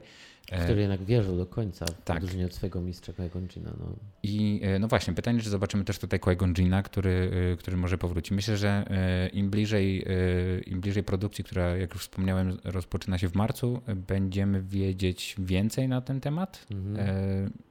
No, czekam bardzo, bardzo, bardzo. E, Na, mm, najprawdopodobniej e, efekty tego zobaczymy w 2022. Wcześniej nie ma się co spodziewać tego serialu. E, Szkoda, bo ja już przebieram po prostu nóżkami, Mhm. bo bardzo, bardzo chcę to zobaczyć. Mm, Zwracam też uwagę na twoje, Twoją uwagę na, na logo, które zostało zapisane po pierwsze tą czcionką, którą były pisane prequele na dole, zawsze te tytuły, a po drugie Kenobi, czyli Eve Kenobi, e, jest mieczem świetlnym Obi-Wana Kenobiego i jakoś mnie to e, wzruszyło, kiedy Mhm. tak z tego piasku e, pojawił się napis Obi-Wan Kenobi. Chyba wszyscy stawiali, że serial będzie się nazywał Kenobi, a nazywa się Obi-Wan Kenobi. To dobrze. No, mam nadzieję, że jedną zagadkę rozwiążę. tak. Czemu Obi-Wan Kenobi przybrał tak świetny alias na Tatooine jak Ben Kenobi? Bo jest to zagadka, która od 77 roku y, nie, nie znalazła chyba odpowiedzi. W Zemście Sithów ani razu nikt do niego nie mówi Ben, Nie, prawda? Czemu tego Bena i czemu podmienił swoje imię, a nie nazwisko? Serial też nie nazywa się Ben Kenobi, tylko Obi-Wan Kenobi. Tak. Obi-Ben Kenobi. No, śmieję się, oczywiście nie muszę nam tego tłumaczyć, bo Muszą jednak. wytłumaczyć tak, jak wytłumaczyli, skąd się wziął solo, no to niech sobie darują. E, ale jest to no, coś takiego, co jest oczywiście e, e, no, taką, taką topową, właśnie przemyślaną rzeczą, którą George Lucas wstawił e, w pierwszy scenariusz i no, musimy z tym żyć. No tak, i też nie, nie, nie kwapił się, żeby to jakoś tłumaczyć, yy, żeby to tłumaczyć w prequelach. No i może dobrze, bo to jest ta jedna z tych zagadek, których nigdy, yy, nigdy nie rozwikłano. No i może dobrze, że ten serial jednak nie nazywa się po prostu Kenobi, bo gdybyśmy dostawali same takie seriale, które się nazywają od nazwiska, to byłoby za dużo, bo kolejnym serialem, który został nie tyle zapowiedziany, co yy, właściwie mm, zaprezentowany, yy, zaprezentowano krótki fragment, który prezentował produkcję tego serialu, która rozpoczęła się dwa tygodnie temu yy, w Anglii. Rozpoczęły się zdjęcia do serialu Andor, czyli serial o Kasjanie Andorze. I yy, tam zapowiedziano, że, yy, Jakoś że oszałamiającą liczbę odcinków zapowiedziano. 12 odcinków powstanie tego serialu. Yy, Co więcej, To jest dla mnie duże zaskoczenie. Spodziewałem się, że Cassian też będzie takim mini serialem jak Obi-Wan, a ta informacja, że będzie 12 odcinków, to prawdopodobnie też będzie jednosezonowa historia. W sensie będzie to nie, nie, nie, jakiś serial, który będzie kontynuowany, ale tak czy siak 12 odcinków. Bardzo mi to przemieliło w głowie, bo miałem wyobrażenie, że Cassian to jest taki, no jest to taki bardzo nieoczywisty projekt. Od początku, ten wybór tego bohatera, to jest jakiś popularny bohater, to Mhm. nie jest jakiś, e, e, tak pochodzi z filmu, gdzie, e, gdzie nie był nawet głównym bohaterem, oczywiście w, można w ogóle zastanawiać się, czy ktoś oprócz Jean Erso był tam głównym bohaterem. Był to film, który miał dużą ekipę tak naprawdę. No tak, teoretycznie postaci. o każdym z nich można by było mhm. zrobić y, serial. Więc y, jest to nieoczywiste, że on y, jest twarzą pierwszego produkowanego serialu Pomando. I informacja, że będzie 12 odcinków oznacza, że to jest jednak no jest duża inwestycja i to ma być jednak duża rzecz. To będą 3 miesiące emisji tego, tego długiego filmu, więc nawet jestem bardziej zaintrygowany po, tym, po tej informacji niż byłem wcześniej. No tak, to, to właśnie też chyba sugeruje, że właśnie tych że e, jakby ilość tych odcinków sugeruje, że to będzie chyba faktycznie jedna historia, hmm. że nie będzie więcej, e, więcej opowieści o Kasjanie. No, spodziewamy się, że doprowadzi nas do momentu, w którym rozpoczyna się Rogue One i w którym poznajemy tego bohatera. Możemy też trochę spodziewać się, że będzie, mm, będzie jakoś zazębiał się z serialem Star Wars Rebels. Jest to no, o tyle oczywiste, co ci bohaterowie po prostu się tam pojawiają. Sam Cassian pojawia się na chwilę w, serialu Rebels, więc, e, więc wychodzi na to, że, e, że gdzieś możemy zobaczyć live action e, Syndule, czy, czy no nie Ezry, wiem, czy, Ezry, czy tak, nawet Kanana. Byłoby super, gdybyśmy, mm. gdybyśmy to zobaczyli. E, no i też pojawienie się Asoki sugeruje, że to po prostu jest jak najbardziej możliwe już w mhm. dzisiejszych czasach. Ostatni, ostatni miesiąc też kompletnie zmienił tak naprawdę nasze patrzenie na Gwiezdne Wojny, bo się okazuje, że dużo tych, tych marzeń fanów tak naprawdę na ten temat się po prostu mm, spełnia. E, wiemy też, wiemy, wiemy kto na pewno się pojawi. Pojawi się na przykład Alan Tudyk jako K2SO. E, mhm. Pojawi się, jak już wcześniej wspomniałem, Czyli droid, sarkastyczny droid towarzyszący Kasjanowi. Tak. Świetna postać, jeden z moich ulubionych z, z, z, nowego rzutu droidów Disneyowych. Tak, ten pomysł, że jest taki po prostu z takim dry humor e, droid, e, no fajnie wypadło. Wiem, że jest to przerobiony robot, droid imperialny, który, mhm. który po prostu zaczyna pracować dla rebelii. To będzie ciekawe, bo może w ogóle zobaczymy to jego przejście z jednej strony na drugą. No to też będzie opowieść o szpiegu, więc prawdopodobnie to będzie przydatne, że jego droid jest imperialnym droidem. Myślę, że na pewno będzie to jeden, mm. jeden z odcinków, w których po prostu on przejmuje w ogóle tego robota i, e, i stają się przyjaciółmi. No i w ogóle ta dynamika między nimi będzie w ogóle na pewno świetna. To będzie coś, co będzie tak. mocno też na, napędzało ten serial, więc wiemy, Wiemy przynajmniej, jakim humorem będzie ten serial przepełniony. E, mimo, że będzie opowiadał o tej takiej ciemniejszej stronie rebelii, no to na pewno, no mówię, gdzieś to będzie takie, e, takie posypane tym humorem, który Alan mm. Tudyk jakoś tak dobrze podbija. To jeszcze powróci. Pojawi się też Genevieve O'Reilly, o czym też już wspomniałem, jako Mon Mothma. Mm-hmm. Taka aktorka, która, której bardzo kibicuję, bo ma po prostu słabość do tego, że została wycięta całkowicie z zemsty Sithów, po czym właśnie dostała ten telefon 10 lat później, żeby zagrać w Rogue One. Teraz e, zagra w Kasjanie, za 5 lat będzie serial Star Wars Mon Mothma. Star Wars Mon Mothma, ona się też pojawi w starszej wersji w Albo tym... Star Wars Mothma. Pojawi się e, też e, w tej starszej wersji jako w tych Rangersach, jak już tutaj mhm. snułem ten. Pojawi się, zagra też w tym serialu Adria Arjona. Nie wiem już kogo grają ci bohaterowie, też ci aktorzy. Stellan Skarsgård, Denis Go, Kylie Soler i Fiona Shaw. I e, więc to o tyle jakby duża informacja, że no, ogłoszono w ogóle. E, Skarsgård to pewnie jakiś imperialny będzie, nie? Pewnie tak. Wątpię, że będzie takim wujaszkiem, tylko tutaj się przewijającym. E, no pytanie, zobaczymy tam, e, czy zobaczymy tam na przykład Tarkina? W mm. jakiś sposób w tym serialu. Tam pojawić się mogą wszyscy. Tam może być Darth Vader, to, może, jakby to jest ten moment e, tuż przed Nową Nadzieją i tuż przed Rogue One, więc możemy widzieć... Jest pole do popisu. Jest pole do popisu. No wiesz, może, może w tym serialu na chwilę pojawi się gdzieś na przykład solo, bo gdzieś się o siebie mhm. odbiją. E, Rogue One udowodnił, że e, można wpaść na postaci z Nowej Nadziei na, na przypadkowo na ulicy, więc, więc może, może tą drogą pójdą. Pokazano też logo w którym to O jest takim logo, e, w sensie to O e, stanowi też przy okazji logo Fulcruma, mhm. więc to, mhm. to fajnie, e, dobrze to wygląda i cały ten materiał możecie sobie zobaczyć też oczywiście nie tylko na naszym Facebooku. Jest, zapowiada po prostu no, bardzo dużą taką też faktycznie filmową produkcję. Ja też mam nadzieję, że ten serial wyczerpie już opowieść o rebelii, a przynajmniej ja tej rebelii z okresu nowej nadziei, z okresu formowania się, bo no to już jest. Op- Mam wrażenie, że tam niewiele jest do powiedzenia. I że ten serial no, przez to, że on jest szpiegiem, to spodziewam się, że zobaczymy trochę inną rebelię niż dotychczas. Widzieliśmy w, w serialu Star Wars Rebels formowanie się rebelii, dużo takich misji bardziej jednak polegających na wykradaniu jakiejś broni, na, na, na, tak, na budowaniu tej floty i tak dalej. Castian pewnie będzie bardziej, bardziej szpiegowskim serialem, więc myślę, że dużo więcej czasu dużo czasu będzie poświęcony pokazywaniu nam imperium od, od strony właśnie kogoś, kto, kto zdobywa od nich informacje i tak dalej. No ale e, e, Rebels serial, Rogue One, teraz Cassian, wydaje mi się, że już e, nie mówiąc o wszystkich pobocznych e, komiksach przecież i, Bad Batch i, i trochę, książkach, też tak? wchodzi ten okres. Mhm. E, przecież też jest, ta, jest też ta książka, która jest prequelem do Rogue One. Tak. Wydaje mi się, że no już musimy Lukas, drugi Lukas w filmie, no już dać Catalyst. spokój temu okresowi i, i let's move on. Tak, też się zgadzam, że mam nadzieję, że to jest ostatni, e, ostatnia historia, którą widzimy w tym okresie. E, no mimo wszystko jestem zainteresowany. Też miałem taki moment, że ten Cassian sobie myślałem, że już wszystko wiem o rebelii. Na pewno wszystkiego nie wiem.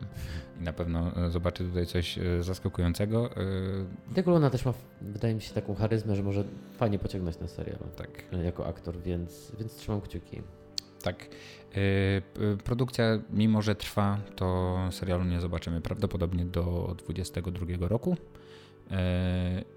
To jest przykre. Myślałem, że, że uda się jeszcze. Też miałem, miałem nadzieję, że y, skoro przesuwają premierę Mando na grudzień, to y, premierę trzeciego sezonu Mandalorianina, to, to, to, że ten serial zobaczymy gdzieś we wrześniu na przykład ale pewnie nie. Przez to, że tak, że tak się rozrósł, to jednak nie wyrobią się. E, zobaczymy, bo tak naprawdę oficjalnie nie ogłoszono daty tego, tego serialu, e, więc, e, więc to jeszcze przed nami. W sumie logiczne w dzisiejszych czasach pandemicznych, że, że oni są dużo ostrożniejsi, bo tak naprawdę to, że wiedzą, że zaczną się zdjęcia, kto wie, co jeszcze się może wydarzyć po drodze, jakie będą Oczywiście. Nie, problemy na planie, jakieś wstrzymania zdjęć i tak dalej. Tak, no to się przeciągnąć. Nawet tak jak mówisz, korzystając z tej technologii, która bardzo ułatwia, e, e, no to mogło być opóźnienie. No tak, nadal nie są wolni od tego, że po prostu y, jakby wirus może się zawsze wkraść na, na, na plan. To się wydarzyło w ubiegłym roku, w sensie w tym roku wydarzyło się, ten rok trwa już kilka lat, więc nie wiem, w którym mm. jesteśmy. E, więc mam jakby, widzimy jakby z doświadczenia, wiemy już, że, że to się może wydarzyć na każdym planie i może po prostu wstrzymać zdjęcie nawet na miesiąc czy, czy dłużej, więc trzymamy kciuki, żeby to się nie stało. E, i żebyśmy Kasjana, e, tudzież Andora, e, dostali jeszcze w przyszłym, już w przyszłym roku. No nie wiem, trzymamy kciuki. Jędrek, wiesz czego za to nie zobaczymy w przyszłym roku na pewno? Serialu The Acolyte serialu, na który najbardziej czekam z wszystkich ogłoszonych produkcji. Ja też najbardziej czekam. Ja myślałem, że ty najbardziej na Droida czekasz, ale e, e, faktycznie serial The Acolyte, e, który e, wyreżyseruje albo wyprodukuje, albo będzie showrunnerką, trudno teraz stwierdzić. Mhm, chyba showrunnerką póki co. E, będzie e, Leslie Headland, autorka odpowiedzialna za serial, serial Russian Doll. No i o tym serialu też nie wiemy nic, oprócz tego, że ma e, ciekawe logo, takie jest przecięte w pół, jakimś wiem, strzałem z blastera albo jakimś wybuchem. E, wiemy, że będzie opowiadał o schyłku e, tego okresu, który znamy jako teraz już znamy, ale jeszcze nic o nim nie wiemy. Mhm, a poznamy go od strony schyłku, to bardzo by się podoba ta logika. Od strony schyłku. High Republic. High Republic. Mm. To jest największy szok ogłoszenie tego serialu, były dotychczas plotki, o których mi opowiadałeś, mówiące o ewentualnym serialu animowanym, tak. dziejącym się w okresie High Republic. To przypomnijmy, jest ten, e, ta nowa seria, dotychczas wydawało się wydawnicza, która startuje w styczniu. To będą książki i komiksy, książki e, tak zwane dla dorosłych i young adult novels, e, które będą się działy w nowym okresie, w okresie High Republic, 200 lat przed Mrocznym Widmem? Tak, mniej więcej 200 lat. Mm ten serial ma się dziać właśnie w tym okresie. Tak I ma rozumiem, być... chyba główną bohaterką będzie kobieta. Tak, i w ogóle ma być jakoś tak um, skoncentrowany na kobietach, ma być thrillerem i ma gdzieś krążyć wokół ciemnej strony mocy. mocy. No wszystkie te rzeczy, wszystkie te e, cechy, elementy, tak. elementy tak. sprawiają, że, że ma ekscytacja bardzo urosła wokół tak, tego to jest, y, to jest to, czego, czego ja się w ogóle spodziewałem chyba po, po Lucasfilmie, że teraz zabierze nas po prostu w inne zupełnie rejony i do nowych bohaterów, że nie będzie jednak już seriali o Mando, o, w sensie no wiadomo było, że będzie o Kasjanie, ale jakby to wszystko krąży, krąży ciągle wokół tych mhm. no, powiedzmy 60 lat, które już znamy i o których już dużo wiemy. I przez to trochę nam nie pozwala rozwinąć skrzydło w opowiadaniu tej historii, tak naprawdę w wymyśleniu kompletnie nowego konfliktu e, i te, jakiegoś... Wpuszczeniu też wodzy fantazji i pozwoleniu twórcom, żeby zaplanowali coś nowego, co i tak potem wejdzie do kanonu i stanie się czymś, od czego, wiesz, będą się kolejni twórcy odbijać, bo tak Oczywiście. tak wygląda logika tworzenia historii gwiezdnowojennych, że, że każdy a reżyser, scenarzysta wnosi coś nowego i kolejni twórcy już muszą to uwzględniać. Wiadomo, są, pojawiają się sprzeczności i tak dalej. No o czymś fajnie, my musimy o tym dyskutować. Mhm. Ale generalnie no, zasada jest taka, że, że, że się to, z każdym odcinkiem serialu czy z każdym nowym filmem kinowym się bardziej rozszerza ten świat, wszechświat, przesuwa się e, e, to, e, co o nim wiemy. No, I jak na to, że to jest wielka galaktyka, która od tysięcy lat istnieje, no cały czas się trzymamy tych stu lat w zasadzie. Mhm pomiędzy Mrocznym Widzem a Rise of Skywalker. E, w zasadzie jesteśmy, trzymamy się tego okresu życia imperatora, bo do tego można sprowadzić tak. ten okres. I to drugiej połowy życia imperatora. Tak. Albo już po jego śmierci też troszkę. E... No tak, ma, e, masz rację, że po prostu nie, jakby nie ten, ten... Ja chcę coś nowego zobaczyć. Tak, ja też chcę no. zobaczyć coś nowego. Bardzo, bardzo, bardzo chcę zobaczyć Gwiezdne Wojny, które cofają nas albo wyrzucają nas w przyszłość, cokolwiek, bo to de facto nie ma znaczenia ale żebyśmy zobaczyli po prostu już e, coś kompletnie innego, gdzie niekoniecznie biegają e, stormtrooperzy, gdzie niekoniecznie jest właśnie imperator, imperium, resztki imperium i tak dalej. Wszystko to mhm. kochamy oczywiście, ale, e, ale pokażcie nam coś nowego. No i ten serial wygląda na to, że będzie, będzie chyba takim zaczątkiem tam tamtego okresu. W sensie, e, oprócz tego, że najpierw zobaczymy Zaczątkiem, już... który zaczyna się od końca. Ale... Zaczątkiem od końca. E, oprócz tego, że e, dowiemy się już czegoś o tym okresie z książek i komiksów, które, e, których wydawanie rozpocznie się 5 stycznia 2021 roku, to e, no to, to pierwszy raz zobaczymy w live action i jeżeli nie zaproponują nam jeszcze, bo zakładamy, że to nie jest skończona lista rzeczy, które są przed nami, że może się coś jeszcze pojawić, może jest jakiś sekretny projekt, na którym jeszcze ktoś pracuje i tak dalej. Boba Fett. Boba Fett. Już chyba, oby nie. No właśnie, bo serial o Bobie Fetcie, o Asoce, jakby te tak, wszystkie tak, rzeczy, tak. które już znamy. Um, no mnie też ciekawe, że to będzie thriller. Co to znaczy thriller w Gwiezdnych Wojnach? To już się, zbliżamy się do dramatu sądowego, Wojtek. Jesteśmy no już o jeden gatunek od dramatu sądowego. Wiem, mam nadzieję, że, mam nadzieję, że któryś z odcinków to będzie taki dramat sądowy, jak one próbują, mm, nie wiem, wywalczyć to żeby zdelegalizować ciemną stronę na przykład, oglądałbym. E, I na przykład, wiesz, mają, e, muszą potem, no nie wiem, tak sobie wyobraziłem takie z lat 80. czy 90. ten przełom właśnie, e, taki film w klimacie milczenia owiec i tak dalej, że ona, wiesz, jednak jest mocna kobieca bohaterka z przodu, ona rozwiązuje zagadkę, ale jednak wiesz, tu są jacyś, tu, jest, tu są jacyś złole, którzy na nią ten, no i to wszystko mhm. osadzone w tych kostiumach. No bardzo, e, bardzo jestem ciekaw tego, jakie to będzie. No największy lek jest taki, e, że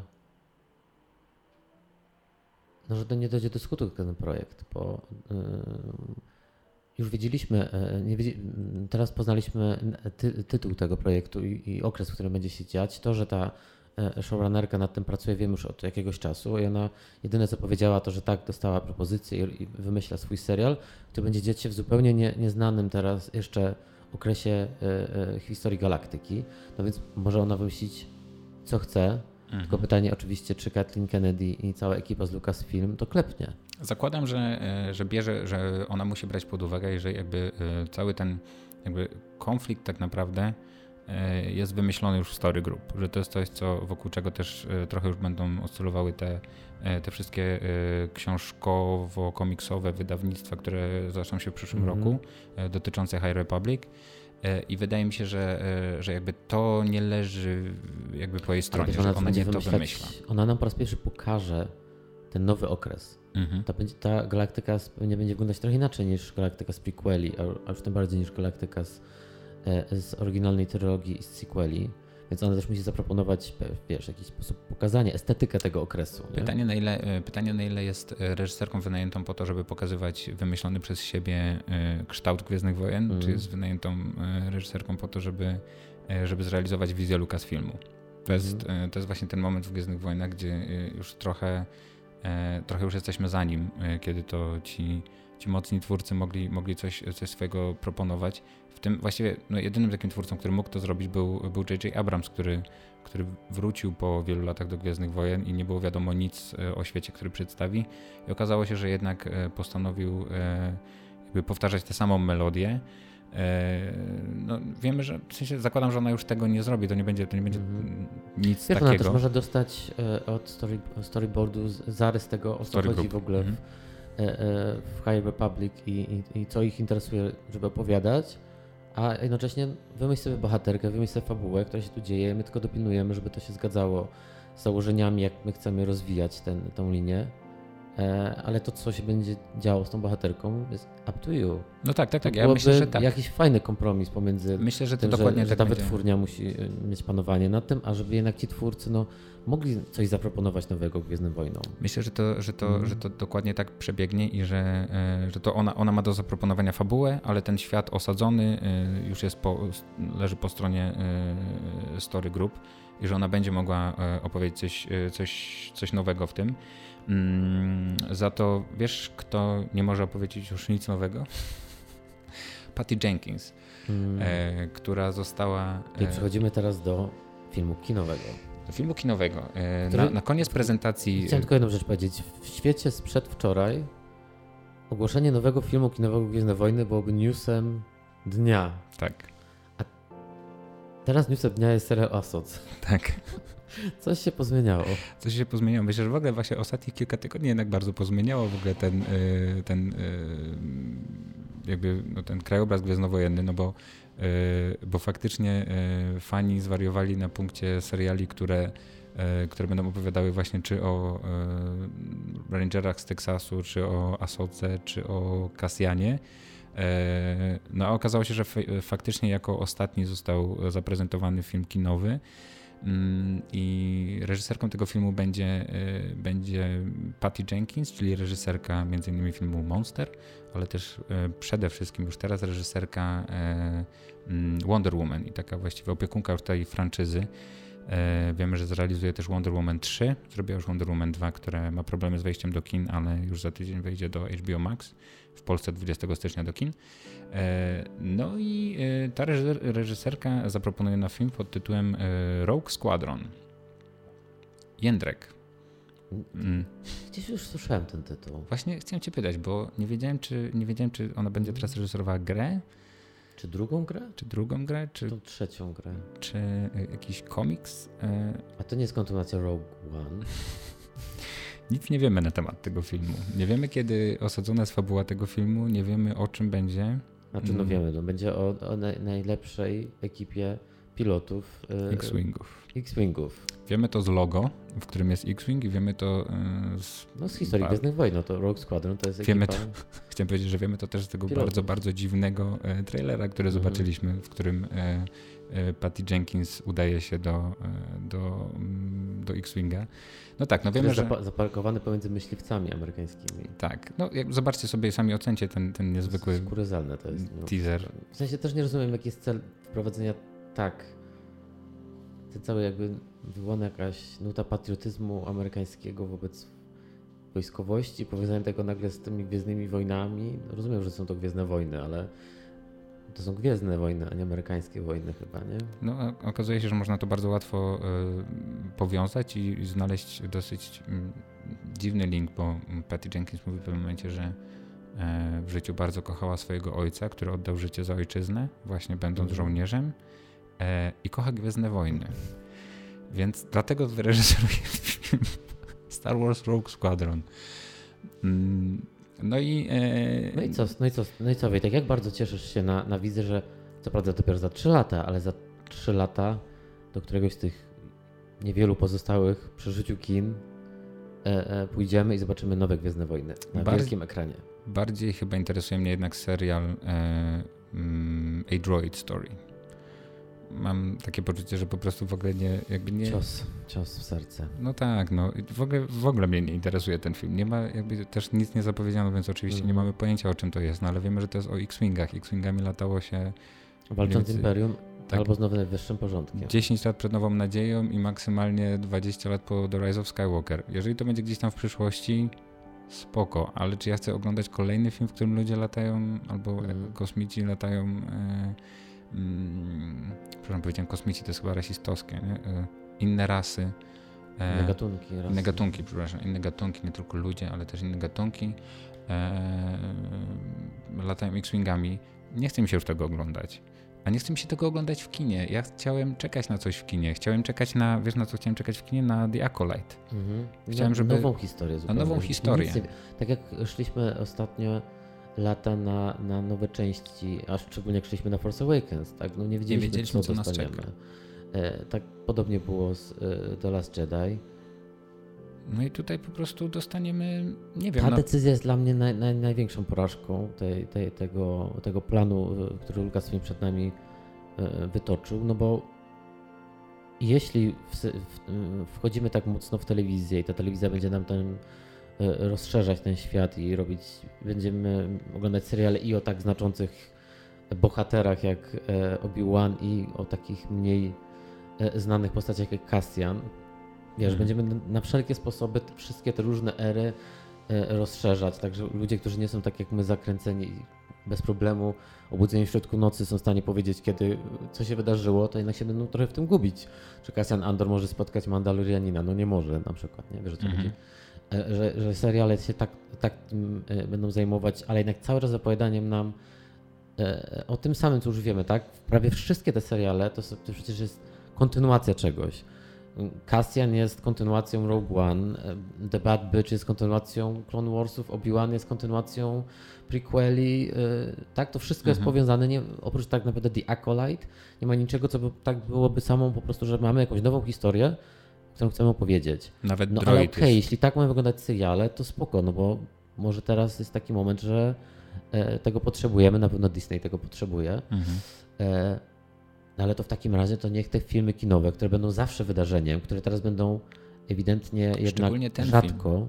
Ten film, który jest pierwszym mm. takim filmem, który wchodzi po tej pięcioletniej przerwie, gdzie dostawaliśmy co roku film.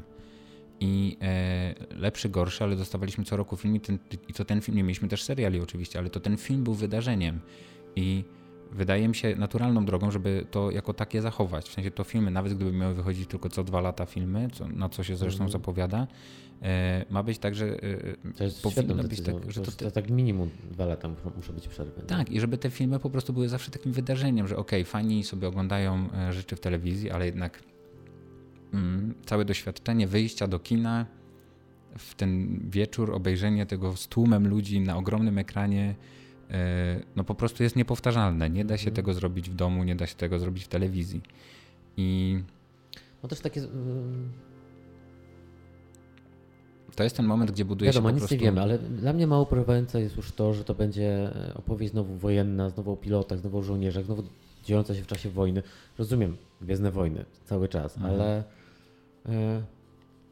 no, jakoś nie porywa mnie, nie, nie, nie, nie porywa mnie wizja tego, że mam teraz 3 lata czekać z niecierpliwieniem, już dowiedzieć, kto będzie tym razem bohaterem. Szczególnie, że no, mieliśmy już film Rogue One, mhm. czyli propozycja, jak zrobić kino wojenne w świecie Gwiezdnych Wojen. Świetny, e, świetna realizacja. Mój ulubiony film z, e, osobiście z tej linii Disneyowej, Disneyowskiej linii Gwiezdnych Wojen. E, I teraz znów film wojenny, tylko teraz będziemy mieli pilotów, a nie mhm. Jeszcze o tym samym tytule. A nie, Rogue a, a One, Rogue Squadron. No, no yy, wiem, nie, trochę, trochę mnie po prostu, yy, trochę mnie zirytował ten pomysł, no ale dobra, no niech sobie, niech sobie to zrobią, będziemy musieli po prostu... Będziemy musieli to przełknąć, Wojtek. Będziemy musieli to przełknąć i będziemy musieli po prostu oglądać seriale i się nimi cieszyć, a po prostu żałuję, że mi odebrano trochę to, żebym się jarał tym, że wiesz, gdyby naprawdę, gdyby oni ogłosili, że to Acolyte jest filmem, a Squadrons jest serialem, to bym, to bym miał tak, okej, okay, ten, ten jeden z dziesięciu seriali, które mm -hmm. powstają, mnie nie interesuje, to jest wszystko w porządku, nie? Ale, e, ale jaram się tym, że, e, że za chwilę będzie e, The Acolyte i to wygląda w ogóle świetnie, nie? Mm. A się okazuje, że w ogóle to się nie, nie stanie i... Zastanawiam się, czy to też jest teraz i oni teraz tak na to patrzą, że no mają tą technologię, żeby dosyć szybko i przy dobrej jakości produkować seriale. Na razie, co prawda jeden tylko zobaczyliśmy, no ale Mando faktycznie jest dobrze zrobione i też szybko wyprodukowane. Mhm. E, więc te filmy kinowe teraz mają być już takimi naprawdę turbo spektaklami. że wiesz, to co y, y, trzeci akt Rise of Skywalker, gdzie mhm. wlatują gwiezdne niszczyciele z lodu, wszystkie możliwe statki z przy, przylatują walczyć i już jest największa rozpierducha, jaka może być w galaktyce, to jest nic w porównaniu z tym, co zobaczymy w Rogue One, w Rogue, Rogue Squadron. Squadron. No, i o to chodzi, że teraz filmy mają być tylko takim popisem efektów specjalnych, ale też, których nie można zrobić jeszcze w tej telewizji. Też umówmy się, skoro to są efekty specjalne i to jest trochę kwestia wsadzenia ludzi do, e, do kokpitów i pofilmowania ich trochę, to potem cała reszta to są już efekty specjalne. Ale też musisz jakoś przyciągnąć tych ważniejszych ludzi, widzów do kina, a możesz ich przyciągnąć widowiskiem. Jędrek, czy twoim zdaniem ważniejsi ludzie to ci, którzy chodzą do kina, niż ci, którzy oglądają telewizję? Nie, ale tak, no, zgadzam się, że jakby to, wiadomo, że trzeba, ten, ten, film musi po prostu na siebie no zarobić, oczywiście. musi się odróżnić od tych seriali ten film. To niech się odróżnia tym, że będzie, będzie dawno, dawno temu i po prostu będzie opowiadał nową historię. Cały świat pójdzie i tak na Gwiezdne Wojny, a jak widać można, można w ogóle rozpalić y, zainteresowanie wszystkich wszystkim. To jakby nie ma mhm. znaczenia. Nie wiem, ja po prostu jestem... A może to po prostu będzie ekranizacja gry y, Star Wars Rogue Squadron? A to też w ogóle strasznie mnie to nie interesuje. Ja nawet nie zagrałem w tę grę jeszcze. Ona oczywiście wygląda świetnie, też ma podobną fabułę, ale... Yy, nie, ale Jędrek. Żeby, żeby tak nie skończyć na takiej e, negatywnej nucie, mm. po tych wszystkich wspaniałych zapowiedziach, które dostaliśmy od Lucasfilmu e, i na które chyba w większości się bardzo cieszymy, Mm, dostaliśmy jeszcze jedną, ostatnią już e, zapowiedź, czyli jeszcze jeden film kinowy, o którym nie powiedziano nam nic, bo nie podano daty premiery. Tak jak Rogue Squadron ma wyjść w 2023 e, w grudniu na święta. E, tak kiedyś w przyszłości ma również pojawić się film Taika Waititiego. Taika Waititi mm wyreżyseruje film z Gwiezdnych Wojen, co już wcześniej zostało potwierdzone i nie jest nową informacją, ale pokazano coś, co w sumie nie jest nawet logosem, tylko takim inaczej napisanym napisem Star Wars, w takich e, kolorach, które do niego pasują, czyli e, bardzo jakieś takie e, pastelowe, mm, taki chyba rozpływający się był ten napis Star Wars, trochę wygląda jakby się topił. No tak, trochę, to stare, trochę z takich starych komiksów. Tak, dokładnie, mhm. trochę, trochę jak ze starych komiksów. No i y, Kathleen Kennedy powiedziała tylko tyle na temat tej produkcji, nie podając żadnej daty ani y, żadnego szczegółu na ten temat. Powiedziała tylko, że E, to będzie zupełnie nowe podejście do Gwiezdnych Wojen, świeże i świetne mhm. i że e, namawiała nas po prostu, żebyśmy zostali tymi e, udziałowcami. No i mnie przekonała. Ja dzięki tej, mm, tej prezentacji też kupię mhm. jedną akcję więcej Disneya. Nie zdziw się, jak dostaniesz ten film w reżyserii Rona Howarda po latach. Bo już, już, już kiedyś Kathleen Kennedy mówiła, o ile dobrze pamiętam, o tym, że są jacyś świe, świezi, now, świeże nowe podejście do Gwiezdnych Wojen. Pewni twórcy już proponowali, nie skończyło się to za dobrze. E, to tak. Trochę jest to zastanawiające, e, że film, który jako pierwszy był ogłoszony, że, że powstaje, w sensie, że, że, mm. że, że, że ten reżyser został zaproszony do Gwiezdnych Wojen, bo oficjalne przecież ogłoszenie, tak. E, nie jest uwzględniony w tej ramówce zakładam optymistycznie, że to oznacza, że, że, że to jest na tyle, będzie to szalona reinterpretacja Gwiezdnych Wojen, że trzeba czasu, żeby to przygotować.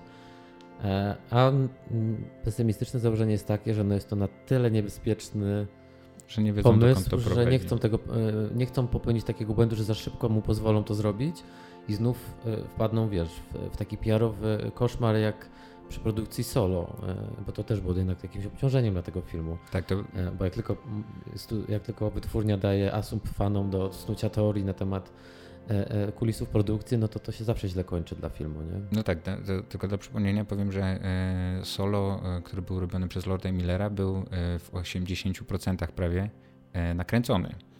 I, I wtedy ci reżyserzy zostali zwolnieni i Ron Howard został wezwany w ostatnim momencie i dostał tak naprawdę chyba 9 miesięcy tak, na nakręcenie de facto nowego filmu. Nie no, był heroiczną go. robotę. No. E, I, e, no i no wyszedł, z tego, wyszedł z tego film solo, który, e, który jest jakimś takim poprawnym, e, poprawnym filmem. W sensie nie wyszła z tego katastrofa, a, mhm. a co miało wyjść z tego na początku? Wszyscy chyba chcieliby zobaczyć te 80% nakręconych zdjęć. Mm, to się na pewno nigdy nie wydarzy. E, no i zobaczymy. Taika Waititi na pewno, na pewno poszaleje trochę i, e, i mam nadzieję, że trochę wywróci do góry nogami to, jak w ogóle patrzymy na filmy z Gwiezdnych Wojen, że mm. no, o, a film Gwiezdne Wojny może być taki. Prawda? No tak, to jest, to jest ciekawe, bo tego podejścia humorystycznego właściwie nie ma, nie ma w tej serii. Jak wiemy, serial Star Wars Detours został skasowany przez Disneya, którego wyprodukowano 40 chyba odcinków i one są gotowe, w puszce leżą, ale nigdy nie zostały wypuszczone. Oprócz jednego odcinka, który niedawno został wyciekł on nie wyciekł, tylko po prostu został wypuszczony do internetu po to pewnie, żeby badać grunt i żeby sprawdzić, jak się to ludziom podoba. Mhm. Mm, to jest serial, który był robiony jeszcze przed, e, przed przejęciem e, Lucasfilmu przez Disneya. No i to było faktycznie takie komediowe podejście do, e, do Gwiezdnych Wojen, takie krótkie, chyba tam 10-minutowe odcinki, które miały być taką trochę parodią tego świata. Ten odcinek wyciekł, możecie go łatwo znaleźć, który wyciekł, możecie go łatwo znaleźć w internecie, on jest na YouTubie. No, to nie jest świetne, mhm. w ogóle nie jest świetne, e, więc tak sobie pomyślałem, tak jak byłem bardzo ciekaw tego, tak moja ciekawość została bardzo zaspokojona i mam takie wrażenie, że to bardzo dobrze, mhm. że, e, że tego serialu e, nigdy nie zobaczymy. Mm. No wiesz, jedna rzecz to jest humorystyczne, tak jak nam się kojarzy, tak na pierwszy rzut oka, nie na pierwszy rzut ucha. Mhm.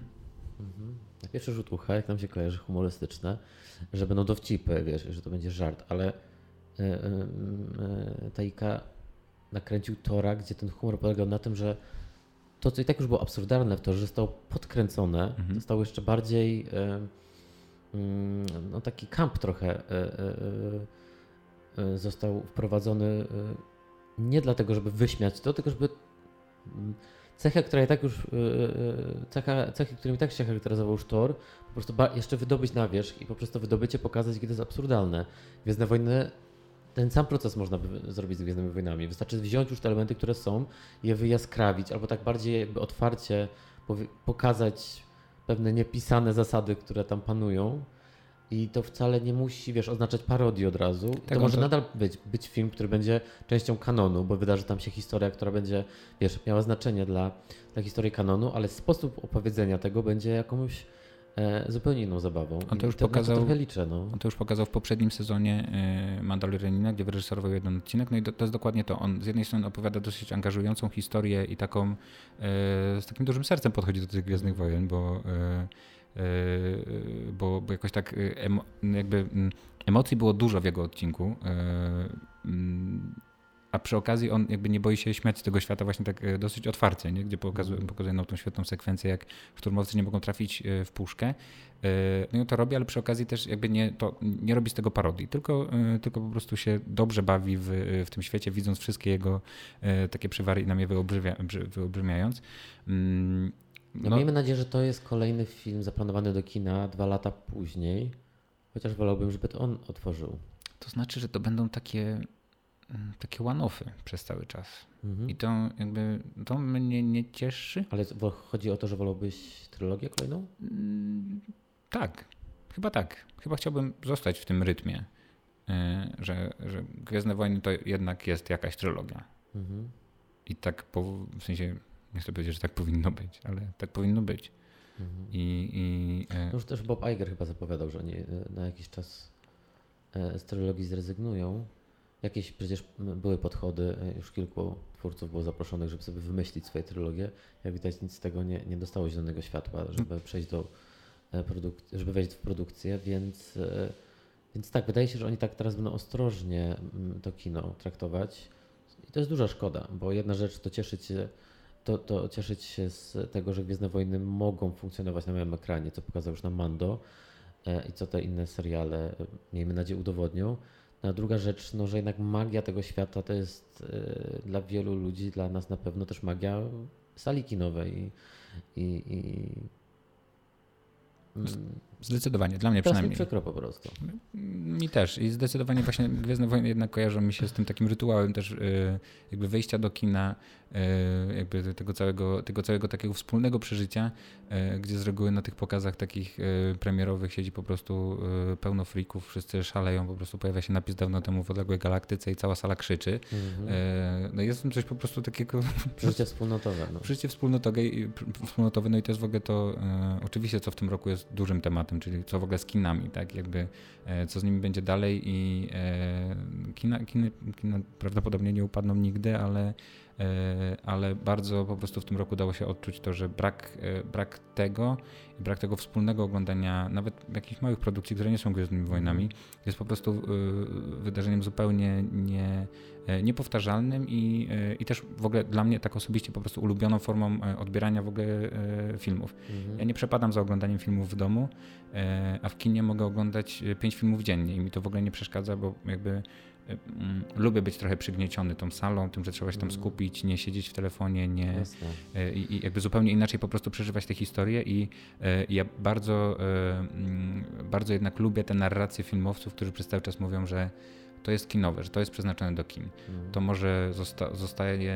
wydane, tak jak, nie wiem, ostatni film Finchera, to może jest wydane na Netflixie, ale de facto to trzeba oglądać w kinie.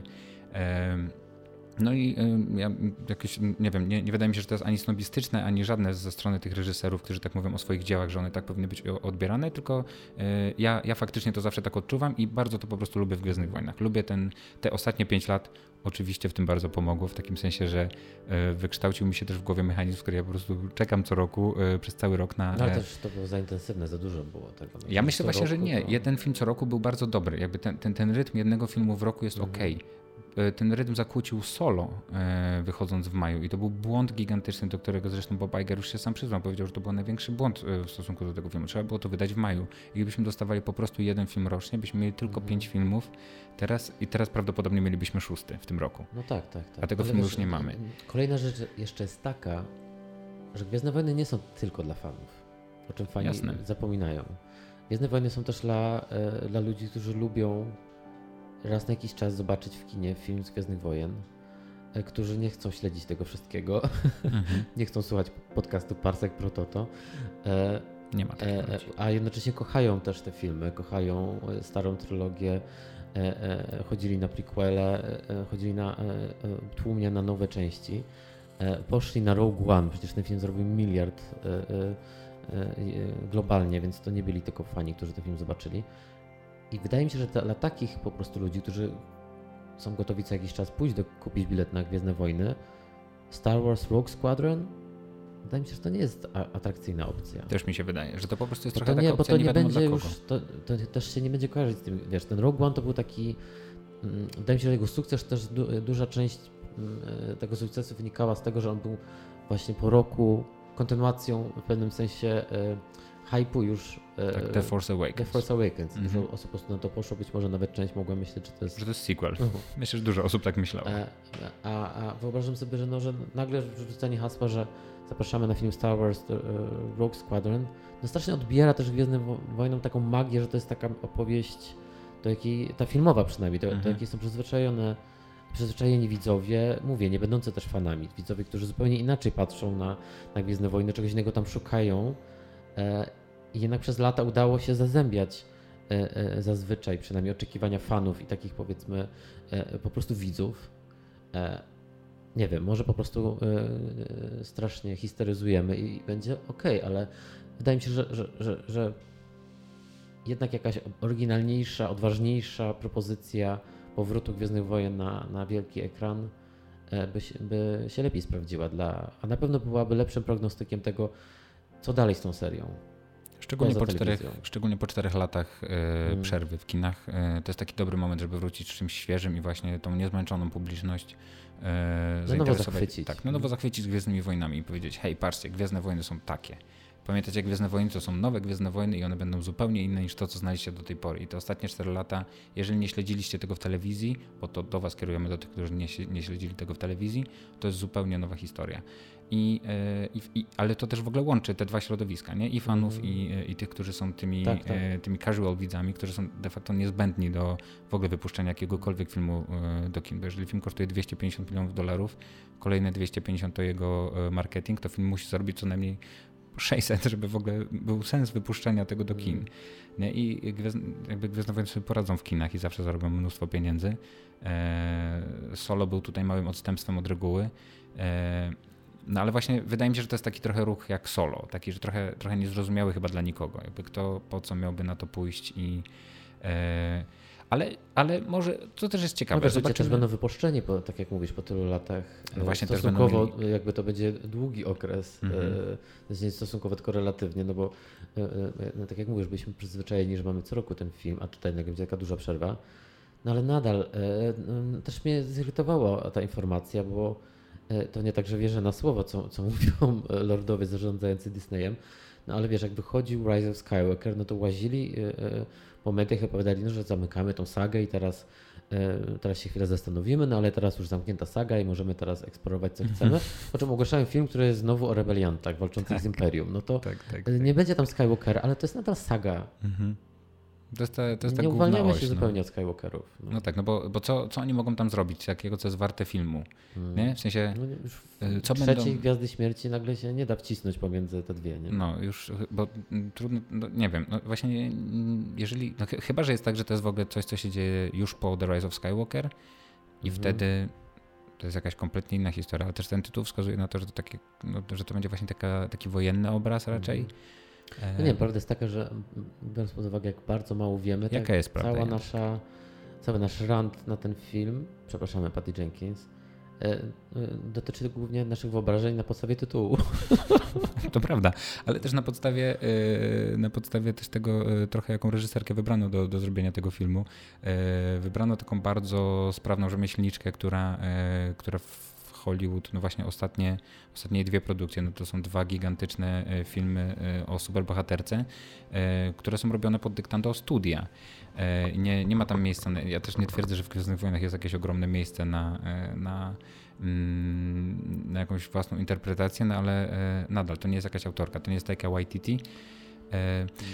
Boję się, że, boję się, że oni po prostu nie chcą takich twórców w tym momencie u sterów tych dużych produkcji. No tak, zwolnili, zwolnili e, Ryana Johnsona z obowiązku robienia trylogii i zwolnili e, Beniofa i Weissa, którzy mieli, e, twórców Grotron, którzy mieli, mieli stworzyć trylogię. Obaj, i, tak. Prawda? I oni i, i Ryan Johnson mieli wymyślić coś swojego.